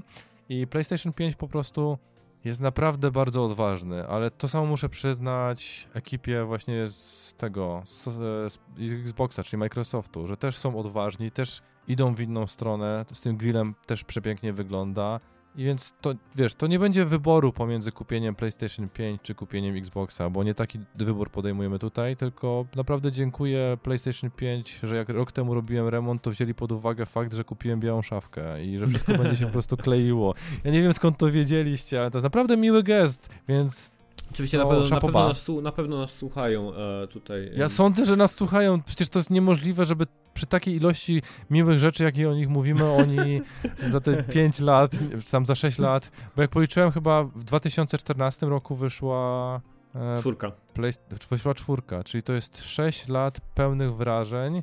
Nie pamiętam, żeby był kwartał, żeby nie wyszła gra, więc to jest takie bardzo fajne podejście, wiesz, do gracza.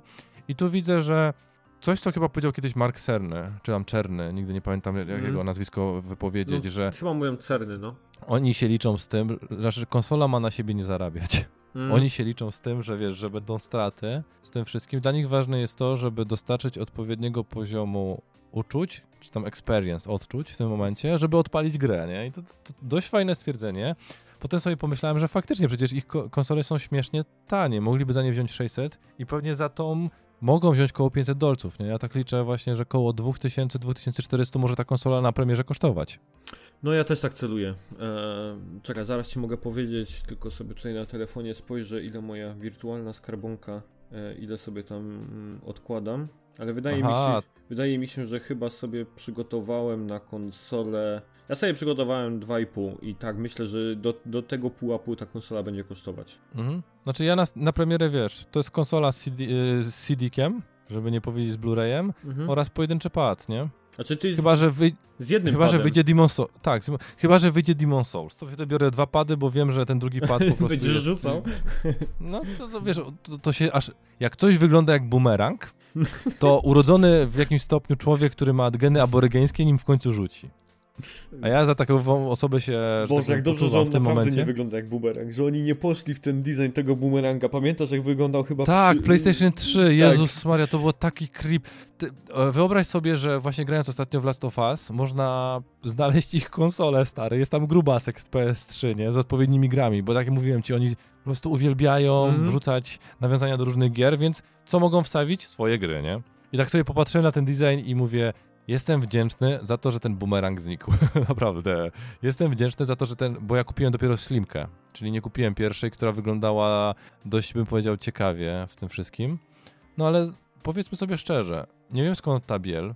Jest ona bardzo kontrastowa do czerni. Widać te takie niebieskie, fajne akcenty na skrzelach, które są, wiesz, uwydatnione u góry. Mhm.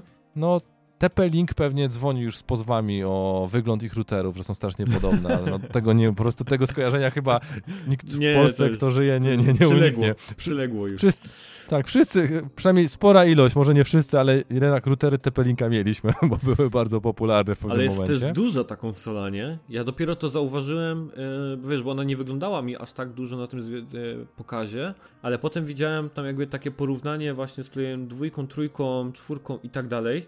Ona jest bardzo duża. Szczerze mówiąc, No byłem zaskoczony, że ona jest taka duża, ale no... Musi pomieścić ego wszystkich ludzi od Sony, nie? więc musi być większa.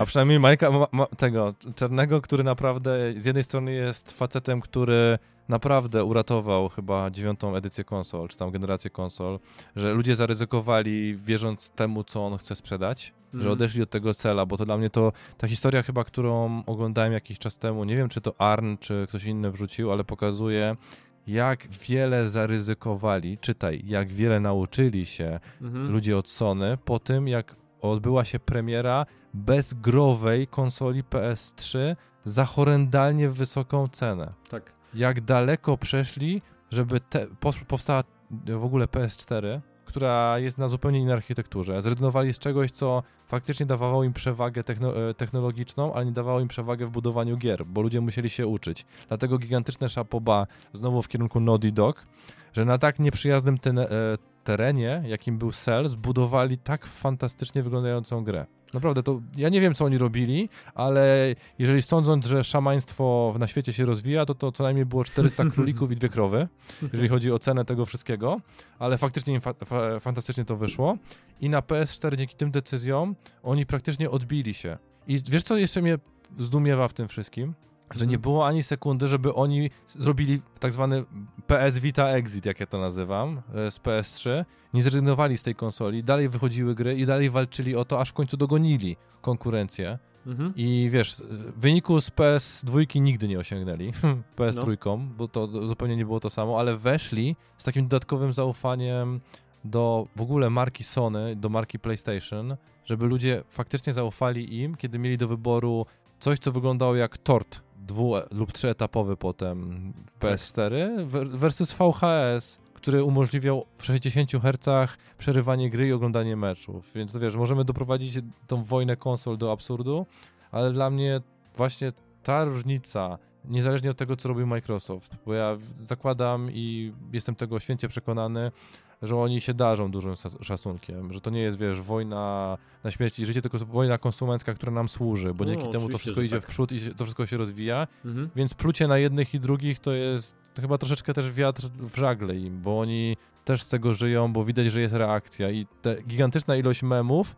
to tylko Elon Musk w tym momencie dzwoni do nich i mówi, że za darmo zrobiliście im taką reklamę, jak robicie mi przy Tesli, nie? Po prostu, No, wiesz, Tak, tak. ludzie sami napędzili wygląd tego, śmiali się z tego, dorzucali drugie rzeczy, porównywali, ale to wszystko było utrzymane w takiej, bym powiedział, bardzo przyjaznej konwencji. O, nie? oczywiście, samo jak ten tak. Ja jestem jak najbardziej za taką e, wojną, wojną konsolową. Ja e, nigdy nie, nie uważałem, że jest to, bym powiedział, coś, co powinno zupełnie gdzieś tam zniknąć. Ja nie wiem, może moje po prostu postrzeganie tak naprawdę, e, wiesz, wojny konsolowej i gdzieś tam jakiegoś bycia fa fanem czy coś takiego, zawsze działało na takiej zasadzie, jak nie wiem, jak trochę bym powiedział, rywalizacji sportowej. Ja to zawsze trochę odbierałem na takiej, jak, jak, jak się ogląda piłkarzy na, me na meczach gdzieś tam sportowych. Nie wiem, czy to, e, czy, czy jesteś gdzieś tam e, człowiekiem oglądającym piłkę nożną i tak dalej, ale bardzo często można zauważyć takie obrazki, że e, e,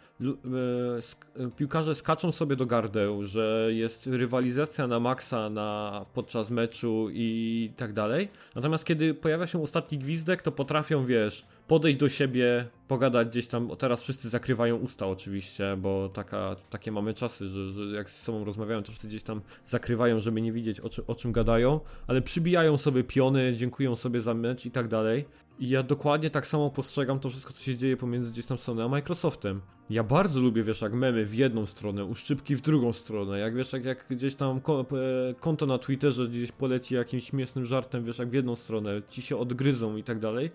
Mi się to strasznie podoba. Dla mnie to jest taka, bym powiedział, taka męska rywalizacja właśnie na, podczas meczu, ale nikt nie przekracza granicy, wiesz, takiego po prostu bym powiedział, złego smaku i, i atakowania siebie gdzieś tam jakiegoś takiego przesad, przesadnego. Ja uważam, że to jest jak najbardziej korzystne dla nas jako konsumentów, że ta rywalizacja gdzieś tam sobie istnieje. Dlatego ja tam nigdy nie byłem za tym, za, za tym głosem, że wszystko powinno być, wiesz, crossplayowe, wszystko powinno być cross e, gdzieś tam save'owe, że nie powinno być jakichkolwiek ekskluzywów, e, że konsole powinny odpalać wszystkie gry nawzajem i tak dalej mi się ten świat jakoś tak strasznie nudno jawił, może ja go po prostu nie znam, może nie żyłem w takim świecie i dlatego odbieram go negatywnie. Natomiast te, to, co ty powiedziałeś, ja to wszystko gdzieś tam uważam, że tak faktycznie jest, że te firmy darzą się szacunkiem i że pewnie gdzieś w, kul, w wiesz, kuluarach i gdzieś tam wszystko od kuchni to e, taki przykład też mam z piłki nożnej. E, że wszyscy zawsze postrzegali Alexa Fergusona z Manchesteru United jako taką osobę skłóconą ze wszystkimi gdzieś tam trenerami i szczególnie e, wyraźny był jego konflikt podczas meczów z Arsenem Wengerem, z Arsenalu, z Mourinho i tak dalej. Natomiast jest bardzo dużo historii, w których i nawet to było takie, bym powiedział, dosyć znaną taką jakby praktyką, że Sir Alex zapraszał ludzi na dobre wino. E, znaczy zapraszał ich do siebie na lampkę wina i zawsze było takim jakby gestem, że osoba, gość, który przychodził, przynosił z sobą dobre wino i to dużo trenerów tak jakby to sobie przypominało, że wtedy e, rozmawiali sobie o różnych rzeczach i tak dalej, czyli po prostu kiedy kończyła się ta, ta jakby ten, ten, ten, ten, ten etap rywalizacji i tak dalej, e, był, był tylko i wyłącznie szacunek i, i, i gdzieś tam pozytywne wibracje, jakby to można było nazwać, e, wo, wo, wobec siebie i tak też myślę, że jest między gdzieś tam oboma e, obozami. Bo trochę tak ciągnąłem właśnie w tym kierunku, dlatego że jeden z tematów, który zawsze mnie troszeczkę interesował, to jest zadanie sobie bardzo, bym powiedział, nostalgicznego i historycznego pytania. Dlaczego PlayStation, czy to był przypadek, czy świadomy wybór w twoim wypadku? Um, znaczy, jak, ja napisałem już sobie takiego bloga, e, post, e, dosyć dawno na, na raczej konsolowo. E, pewnie słychać skrzypienie krzesła, ale już się wiercę, bo jest późna godzina, więc przepraszam za to. Takiego posta sobie rzuciłem na raczej konsolowo, tak jakby moje playaki go chyba nazwałem. Mm, I tam opisałem historię, jak, trafiał, jak trafiała do mnie każda konsola. E, Szarak, PS2, PSP, Vita i tak dalej. Jak to się zadziało, że każdy z nich gdzieś tam kupowałem. E, I jeśli chodzi o Szaraka, czyli moją pierwszą konsolę, no to to było tak, że grałem u mojego kolegi gdzieś tam na wakacjach, pamiętam, i oczarowała mnie grafika. To wtedy graliśmy chyba w Test Drive'a i w Resident Evil dwójkę, jeśli się nie mylę, to była chyba dwójka. I pamiętam, że wtedy właśnie mnie oczarowała grafika i czytałem potem o, o, o siódemce, o finalu, e, widziałem Gran Turismo i e, tym wszystkim byłem tak oczarowany, że, że wybłagałem sobie u rodziców, którzy wtedy tak naprawdę w ogóle nie mieli pieniędzy. Była dość ciężka sytuacja w domu. A ostatnio się dowiedziałem, nawet nie wiem, czy na tym blogu o tym opisałem, e, bo to, to dowiedziałem się naprawdę niedawno, że to była w ogóle używana konsola. że rodziców nie było stać na to, żeby kupić zupełnie nową konsolę w sklepie i kupili ją w Empiku. To był chyba wtedy też, już wtedy był Empik, e, jako sprzęt używany. E, i kupili ją tam razem z jedną grą i, z jednym padem. E, I e, pierwszy szereg był u mnie po prostu wybłagany u, u, rodziców, bo widziałem po prostu wizualnie, jak gdzieś tam gra wygląda u, u, u kolegi i dlatego go, go kupiłem. I powiem ci, że jak wpisałeś ten temat gdzieś tam do agendy, dlaczego Sony, to specjalnie nie robiłem sobie żadnych notatek do niego, bo chciałem się tak jakby sobie zadać to pytanie i tak jakby szczerze odpowiedzieć na nie tutaj na antenie nie przygotowywać się do jakoś do niego mega, me, mega wyjątkowo i dlaczego Sony i dlaczego dalej kupuję konsolę Sony, na pewno jest tutaj bardzo dużo nostalgii i sentymentu. I tutaj nie mam w ogóle jakichkolwiek e, mm, zapędów do tego, żeby zmieniać taką postać rzeczy, albo żeby mówić, że jest inaczej. E, lata tak naprawdę e, Boże Narodzenie 1900 99, e, bo to był ten rok e, i od tego czasu tak naprawdę towarzyszą mi konsole PlayStation e, w moim życiu i ogrom godzin, które spędziłem z grami na tych konsolach, tytułów, które gdzieś tam zapadły mi bardzo mile w pamięci i przeżyłem. E, oczywiście na początku i pewnie gdzieś tam w tych wczesnych latach to napędzała mnie nawet, bym powiedział, te wszystkie wojny konsolowe i gdzieś tam czucia się lepszym niż gdzieś tam obóz Nintendo czy, czy, czy, czy Xboxowym e, i, i to pewnie napędzało mnie o tym, żeby jeszcze bardziej być e, związany z tą konsolą Sony. Ostatnie, późniejsze moje lata to jest zupełnie gdzieś tam moja zmiana tego, tego klimatu i zachowania, ale um, nie, mam, nie mam zamiaru w ogóle ukrywać, że jest to, e, jest to z tym związane. I też rozumiem w 100%, że ludzie w ogóle mogą tego nie rozumieć, że nie, nie, nie, jest, nie są w stanie pojąć niektórzy, bo tak często gdzieś tam w rozmowach też mam z osobami na tak, tego rodzaju gdzieś tam opinie, jak można być gdzieś tam fanem e, korporacji, nie? Jak można być gdzieś tam fanem e, jakiejś organizacji, która wiadomo działa tylko wyłącznie na to, żeby zarabiać pieniądze i tak dalej. Ja to w 100% tak rozumiem, że są takie osoby, które mogą tego nie rozumieć, tak samo jak rozumiem, że są osoby, które mogą nie rozumieć kibicowania jednej drużynie piłkarskiej. I to mi się gdzieś z sobą tak jakby łączy, bo ja też jestem kibicem. Praktycznie od dziecka jestem kibicem Manchesteru United, więc dla mnie to jest gdzieś tam z sobą się łączą te, te, te uczucia. I może po prostu jestem taką osobą, która lubi, lubi się przywiązywać. Nawet nie będę tego ukrywał, że, nie jest, że jestem taką osobą, która generalnie nie lubi zmian e, za dużo w swoim, swoim życiu. Więc mi to bardzo pasuje, że gdzieś tam trzymanie się jakiegoś sprawdzonego terenu, mogę powiedzieć, czegoś co znam, czegoś co rozumiem i wiem po czego się spodziewać po.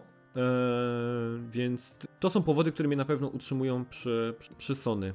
Z drugiej strony też muszę powiedzieć, że e, żaden z obozów nie zrobił nic tak diametralnie wyjątkowego, żeby mnie przeciągnąć na swoją stronę i analogicznie e, Sony nie zrobiło nic, e, bym powiedział, diametralnie tak drastycznego i dramatycznego, żeby mnie od siebie specjalnie jakoś odrzucić. E, I, to też myślę, wydaje, że warto, żeby gdzieś tutaj powiedzieć. Nie wiem, czy tą wypowiedzią Bartek jakby zaspokoiłem twoją ciekawość i odpowiedziałem w ogóle na pytanie, które chciałeś zadać. No jak najbardziej. W sensie spodziewałem się dokładnie podobnych, bym powiedział, odpowiedzi z tą różnicą, że nie spodziewałem się analogii piłkarskich. Mhm. Ale wiesz, u mnie było tak, że ja dopiero jestem z, z konsolami od generacji PlayStation 3. Wcześniej miałem PC, wcześniej grałem na PC i z tym wiązałem raczej swoje granie ale to wcześniej była Amiga, wcześniej był Commodore i wcześniej było, wiesz, tego rodzaju.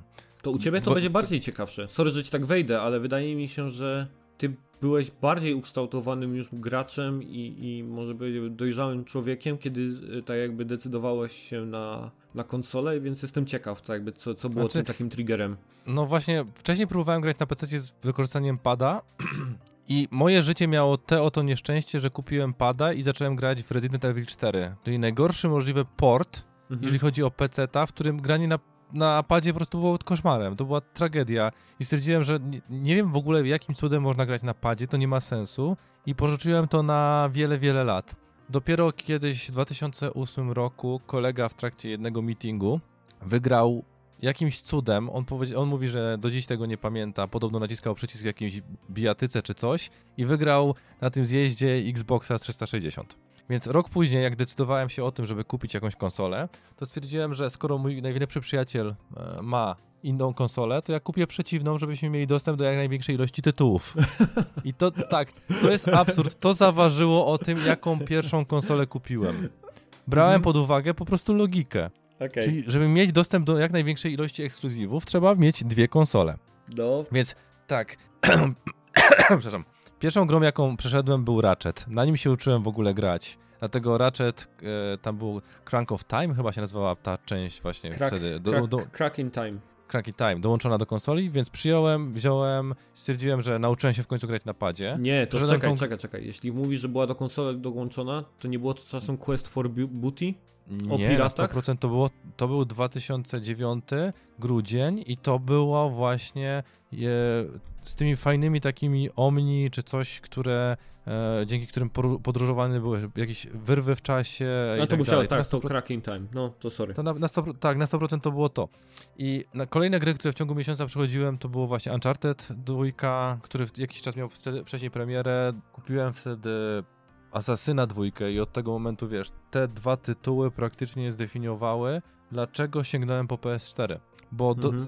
zacząłem dostawać dużą ilość gier, a grałem i na Xboxie i grałem na tym, dostałem, które po prostu pasują do mojego charakteru, do mojego sposobu grania, do mojego stylu bycia, do tego, że ja strasznie lubię opowieści, ciekawe gry, że lubię wyzwania i tak dalej, i tak dalej. Mhm. Więc 4 lata później, jak miałem podejmować decyzję, to stwierdziłem, że jako mój primary kupię właśnie PlayStation 4. Po tych wszystkich obietnicach, które powiedzmy sobie szczerze, ktoś w Microsoftie powinien beknąć za tą wojnę, którą wywołał, którą chciał, próbował wywołać i wygrać e, w tamtej generacji, bo po prostu polegli strasznie takimi pierdołami, jak wychodził po prostu, w jaki sposób można przekazać grę. Trzysekundowy filmik pokazujący, jak dwóch szefów Sony przekazuje sobie płytę. I w taki sposób inna osoba może zagrać tą samą grę. Nie ma regionalnych blokad, nie ma jakiejś gigantycznej ceny, więc oni na samym starcie już przegrali. Ale i tak czy siak, kilka lat później, chyba dwa lata później, w 2015, e, zdecydowałem, że kupię i dam szansę po prostu Xbox One'owi z powodu Sunset Overdrive. To był 2014, przepraszam. Mhm. Więc posiadałem dwa systemy, Posiadałem dużą ilość gier, bo wymieniałem się z kolegami na Xboxa, rzadziej kupowałem tam, ale chciałem po prostu pograć w różnego rodzaju właśnie Gears of War 4, który, czy całą trylogię pierwszą, którą przeszliśmy na najwyższym poziomie z kolegą w koopie, to po prostu wiesz, wy, wypisz, wymaluj fan. I to jest wszystko, co mogę powiedzieć o Xbox One z mojej perspektywy, dlatego że nie pojawiały się tam gry, nie pojawiały się ciekawe rzeczy, no możemy mówić o Halo, możemy mówić o Gears of Wars i to są gry z, mojego, z mojej perspektywy ciekawe. Więc w momencie, w którym jakbym teraz zaczął wymieniać, mogę do, nawet dołączyć zdjęcie, ilość gier, które mnie bawiło na PlayStation 4 od 2014 do 2020, to mielibyśmy jakieś 3-4 godziny jeszcze więcej nagrania. Jakbym nawet powiedział dwa zdania o każdej z tych gier. Po prostu ilość, sposób traktowania gracza mhm. był dla mnie tak wspaniały i tak dał mi takie możliwości różnych przeżyć, od wkurzenia się, od możliwości na przykład wrócenia i ponownego przejścia Heavy Raina. Ja wiem, że remastery to jest dziwna, dziwny temat, ale czasami po prostu potrzeba, żeby zobaczyć coś z innej perspektywy, żeby zobaczyć coś odnowione, żeby wrócić do gry, której, na której się nie miało czasu. No, może być wiele motywów, może być niezrozumiałe motywy dla was, dlaczego warto je kupować. I ilość po prostu emocji, ilość przeżyć, jakie mi zafundowało, jak traktowało mnie poważnie, jak dostarczało mi regularnie nowe rzeczy, mhm. jak dowozili to, co obiecywali, nie zawsze w 100%, ale zawsze była jakaś, jakaś forma fanu, że ilość takich zawodów, które poznałem, czy też odczułem w trakcie tej generacji była bardzo mała, no to po prostu sprzedałem Xbox One'a za jakieś tam śmieszne pieniądze. Inna rodzina go przygarnęła, pewnie miała z tego fan. Doczekałem końca tej wojny konsol i mam déjà vu. Dlatego, że ja wiem, że kupię PS5, dlatego że jestem konsekwentny w tym, że jak ktoś mi obiecuje coś i mi to dostarcza, to dlaczego mam, wiesz, w jakimkolwiek stopniu się na to mm. wkurzać? No po prostu przyjmuję na klatę, dziękuję i bawimy się dalej. A widać, że po prostu Sony w kontekście gier naprawdę dużo myśli o tym wszystkim. Xbox się zmienia na szczęście i Xbox zaczął kupować studia, zaczął o tym wszystkim myśleć, ale na start ta obietnica jest jakby, wiesz, mniej przekonująca. Ja nie jestem fanboyem. Mhm. Jakby mi ktoś dał ja po prostu cenię sobie w PlayStation to, że dali mi sposób odpalania gier, sposób pauzowania, usypiania, taki, że mogę w każdym momencie, kochanie, przynieść coś tam, czekaj, tylko zapauzuję grę. Wiesz, i mogę do niej wrócić, jest to szybkie, jest to przyjemne przełączanie, nauczyli się, bo widać, pamiętasz XMB, czy jak to się nazywało, tak. E, na PS3, jakie to było mhm. daremne, jednowątkowe, przy możliwościach procesora, to jest po prostu, wiesz, absurd, nie? Ja czasem, A... ja czasem gram na Playu Trójce i za każdym razem, kiedy przyjdzie mi myśl, żeby sprawdzę sobie, jakie pucharki ma ta gra, to jak kliknę w tę ikonkę pucharka, to potem jest taki facepalm mi po prostu, ja pier... co ja właśnie zrobiłem? Bo no. pucharki no. ładują się parę minut. a, a działa to no, tak... Nie, nie, nie ładują się, synchronizują. Ten pasek zna na pamięć każda osoba, która chciała zobaczyć, co właśnie wbiła. I najgorsze jest to, że jak się wejdzie tam w te pucharki i nawet ten pasek się zanuluje po prostu w trakcie jego ładowania, to gra wraca do XMB, ale jest freeze i się nie da zrobić, więc tak naprawdę jakbyś nawet nie anulował. E, więc no, trójka ma, swo, ma swoje problemy oczywiście, e, tym bardziej one są widoczne, kiedy mamy PS4, nie? Pod telewizorem. No ale dla mnie wiesz, PS3 i jej architektura i to potem co zaproponowane było w PS4, to jest jawne przyznanie się, tak wiemy, zjebaliśmy, i teraz sobie przypominamy, o co chodzi tak naprawdę w wytwarzaniu gier. My dajemy konsole nie po to, żeby i producent, i wytwórnia, i gracze się męczyli, i wszyscy się męczyli, tylko żeby jak najszybciej, jak najniższym kosztem, nie musieć nawet myśleć o portowaniu, dostarczyć coś, co daje fan.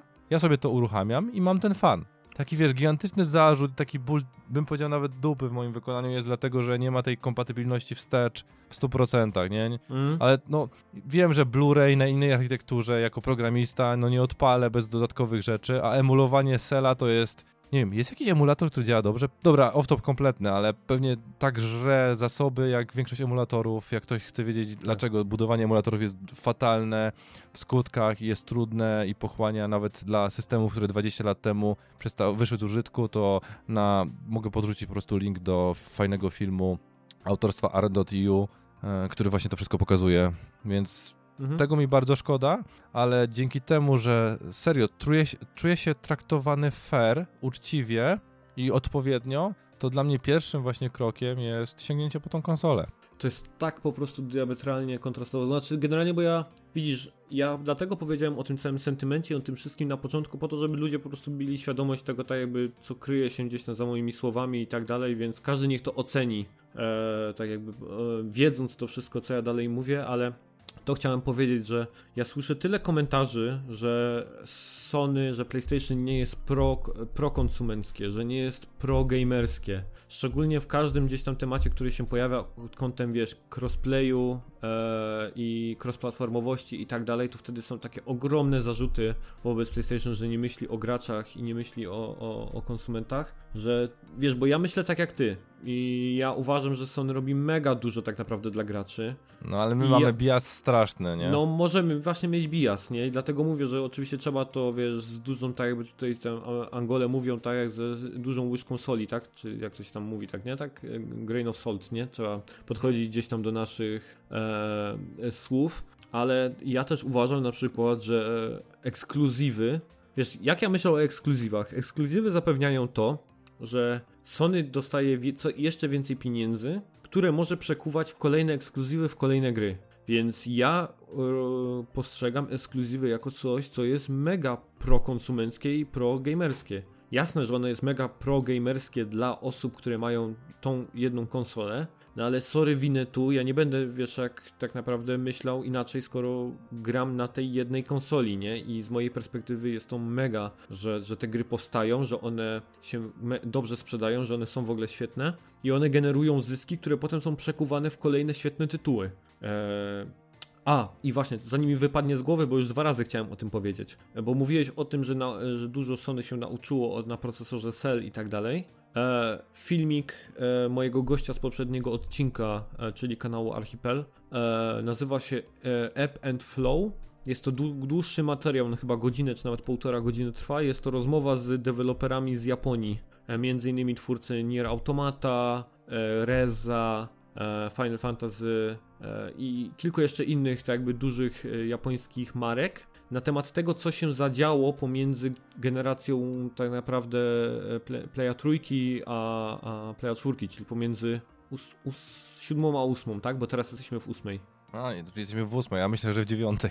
No, no, no, nie, co się podziało między siódmą a ósmą generacją, bo tak jak i PlayStation 3 było niewypałem w pewnym, e, w pewnym sensie ze strony tam jakby Sony, tak i Japonia była w ogóle także dewelopersko w tarapatach w tamtych czasach. I w tym, w tym filmie bardzo fajnie twórcy opowiadają, że troszeczkę tak jakby Japonia się zachły, zachłysnęła swoim sukcesem i poczuli się zbyt pewnie. Szczególnie po, po erze PlayStation 2, gdzie tak naprawdę Japonia była, e, wiesz, jakby benchmarkiem, nie? E, W tytułach, w, w grafice e, i, i tak dalej. Wiesz, najlepsze tytuły, najbardziej gdzieś tam e, sprzedawalne i tak dalej, wszystko przychodziło z Japonii i była uznawana za, wiesz, za taką mekkę, jakby czy tam kolebkę, jakby to tam nazwać. I e, oni nawet się tam fajnie do tego przyznają i dużo na ten temat rozmawiają właśnie, że musieli w ogóle zmienić swoje myślenie na temat gier, na temat oceny rynku, na temat e, ba bardziej patrzeć na tym, co robi konkurencja, co się dzieje na zachodzie e, i tak dalej. I to też, i to jest, i to mówią deweloperzy od swojej strony, nie? I według mnie to też było widać po prostu w podejściu Sony do, do samej gdzieś tam PlayStation 3.